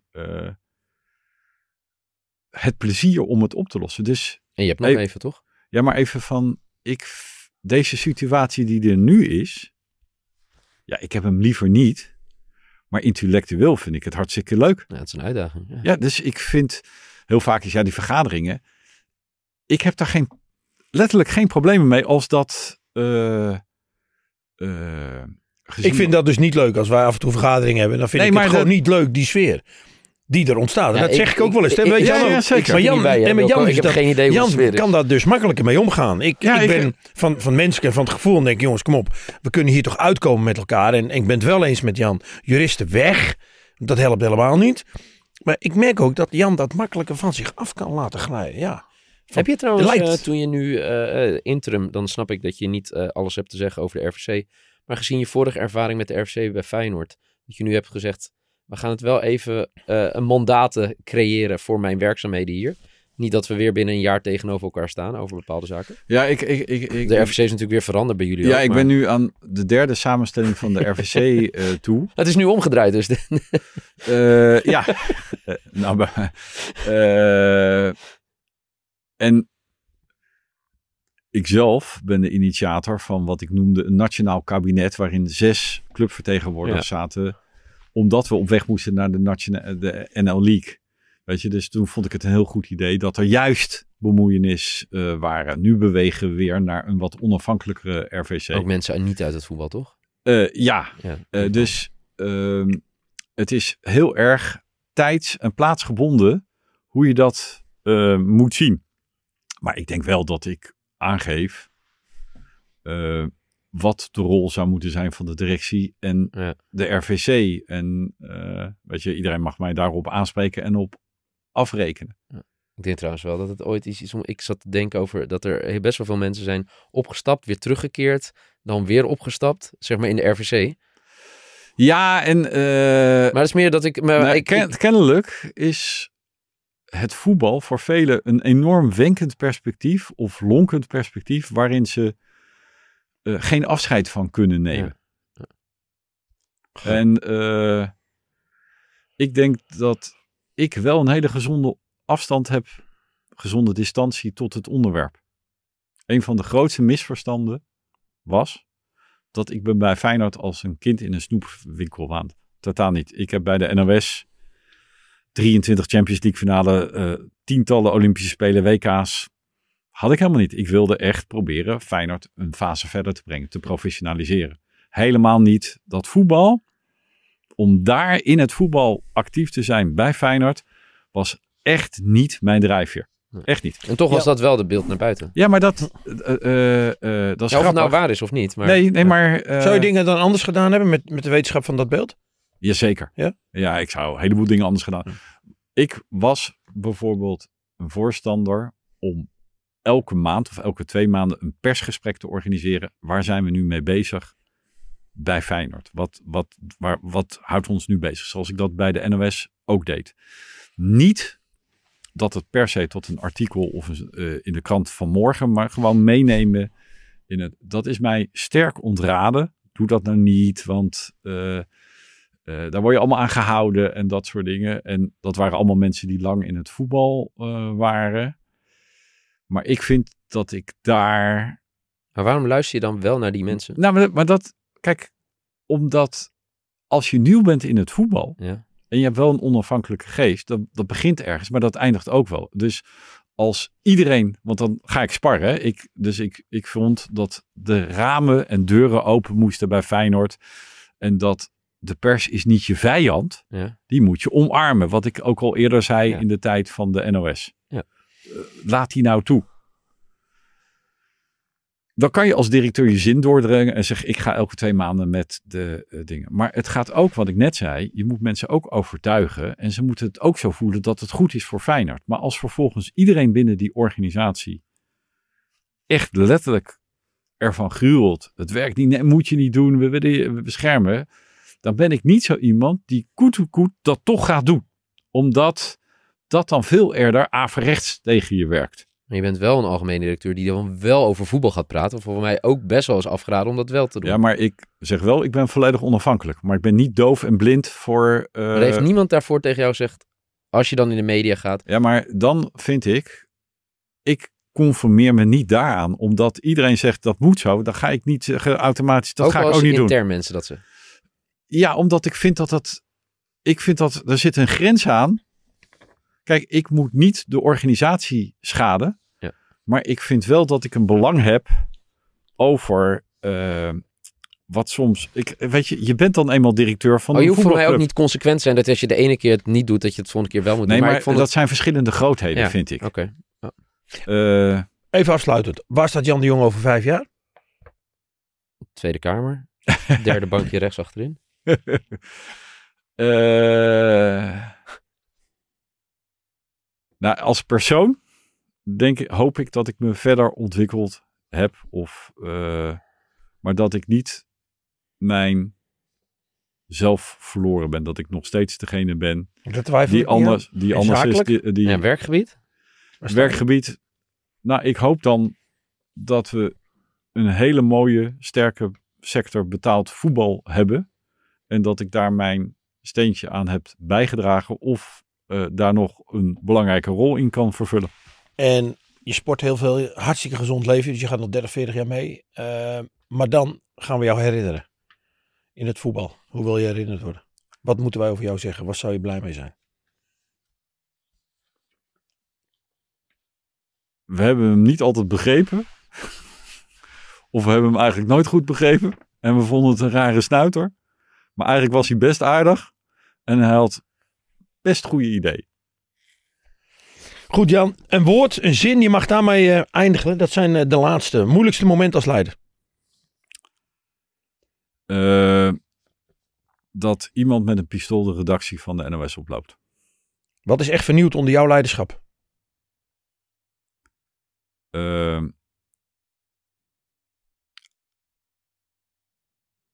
durf je kwetsbaar op te stellen en geen enkele organisatie is feilloos of foutloos. Durf fouten toe te geven. Wat is je grote kracht als leider tot nu toe? Dat ik denk ik vrij snel kan analyseren waar een probleem zit en hopelijk ook waar de oplossing zit. Je zwakte als leider? Verbeterpunt. Eh, toch nog steeds dat ik te snel wil. En dat ik het moeilijk vind als je niet begrepen wordt. Al die mensen die tot nu toe bij de NOS, bij Feyenoord en ECV onder je gewerkt hebben, die bel ik morgen op en die gaan jou in één woord neerzetten. Welk woord zou dat zijn? Eh, loyaal. Wie is een voorbeeldleider voor je? Nationaal, wereld, geschiedenis. Nou, dat zijn er eigenlijk wel een heleboel. Het is natuurlijk een cliché om te zeggen dat ik enorm kan lachen om Churchill. Dat ik dat grappig vind, zoals ik Johan Cruijff ook heel erg grappig vind. Eh, in mijn directe omgeving zijn dat wel Kees Vis, Guurt Bierman, Martijn Lindenberg, Kees Jansma geweest. Die mij ook de kansen hebben gegeven. Dat, dat zijn wel mensen waar ik heel veel van geleerd heb, maar ook heel veel dat ik het op mijn manier zou doen en anders. Maar wel mij de mogelijkheid hebben gegeven om het te ontwikkelen en een eigen visie te ontwikkelen. Als je geen leider had geweest, wat had je dan geweest in het leven? Ja, ik kan me niet voorstellen dat ik niet ergens verantwoordelijkheid had genomen. Dat, dat, dat, Had je dromen vroeger als kind? Wilde je iets worden? Ja, eh, sporter, Olympisch sporter. En verslaggever later. Ook niet geworden, toch? Verslag. Jawel, ik ben verslaggever Waar? geweest. Bij Eh, Veronica. bij Veronica, maar ook bij een regionale omroep in Den Haag. Omroep West of was dat nog? Eh, nee, Locatel. Oké. En ehm, eigenlijk was mijn wens om bij de NOS dat ook te gaan worden. En ik vind dat journalistieke nog steeds hartstikke leuk.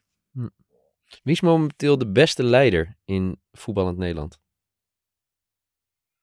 Een directeur, trainer, TD. speler. TD. Nou, ik vind wel razend knap wat Arne Slot doet. Dat vind ik echt wel heel knap. Ehm, of hij daarmee de beste trainer is, weet ik niet. We hebben echt leider, hè? Ja, eh, nou, ik vind wel dat hij heel Feyenoord oppakt. Dus eh, hij doet iets met Feyenoord wat veel meer is dan alleen maar op het veld. Hij geeft Feyenoord, Rotterdam eh, zelfvertrouwen. Dat vind ik wel mooi te zien. En er zijn een paar mensen in het land die dat kunnen. Louis van Gaal kan dat ook. Mhm. Want als hij bondscoach is, wordt er direct anders aangekeken tegen Oranje. Mhm. Dus die zijn eigenlijk groter dan hun functie. En dat vind ik wel heel, eh, heel mooi. Mooi. Wil je nog ergens op terugkomen? Nee, want anders zitten we denk ik waarschijnlijk nog een half uur of een dag of een week. eh, Jan, eh, ontzettend bedankt weer. Wat vond je ervan? Ik vond het hartstikke leuk. Ja? hoor, ik kan hier eh, heel erg van genieten. Omdat het ook, weet je, het zet die radar ook weer eh, Ja. in beweging. En ja, weet je, het zijn altijd observaties van hoe je bent, is kennelijk hoe anderen naar je kijken. Tuurlijk. Wat heel vaak niet hetzelfde is. En Als probeer je het dan ook hier eh, uit te leggen of probeer aan ons ook dat beeld een beetje te verduidelijken hoe je echt bent. Vind je dat er soms echt dus, hè, wat we al eerder hebben gezegd, dat verkeerde beeld geschapen wordt? En heb je dat proberen ook nu te weerleggen? Nee, nee ik, ik, ik probeer de meest eerlijke antwoorden te geven op alles. Maar dat hebben jullie denk ik ook wel gemerkt. En dan vind ik dat ik zelf daar ook best kwetsbaar ben in je eigen observaties. Uh, maar er bestaat niet één Jan de Jonge, er bestaan tien Jan de Jonge. En het is maar net in welke context je denk ik mij tegenkomt. Kom jongens, we gaan lekker met z'n drie even naar de kroeg. Ja, die bruine kroeg. Dankjewel. Jan, Jan. bedankt hè. Graag gedaan.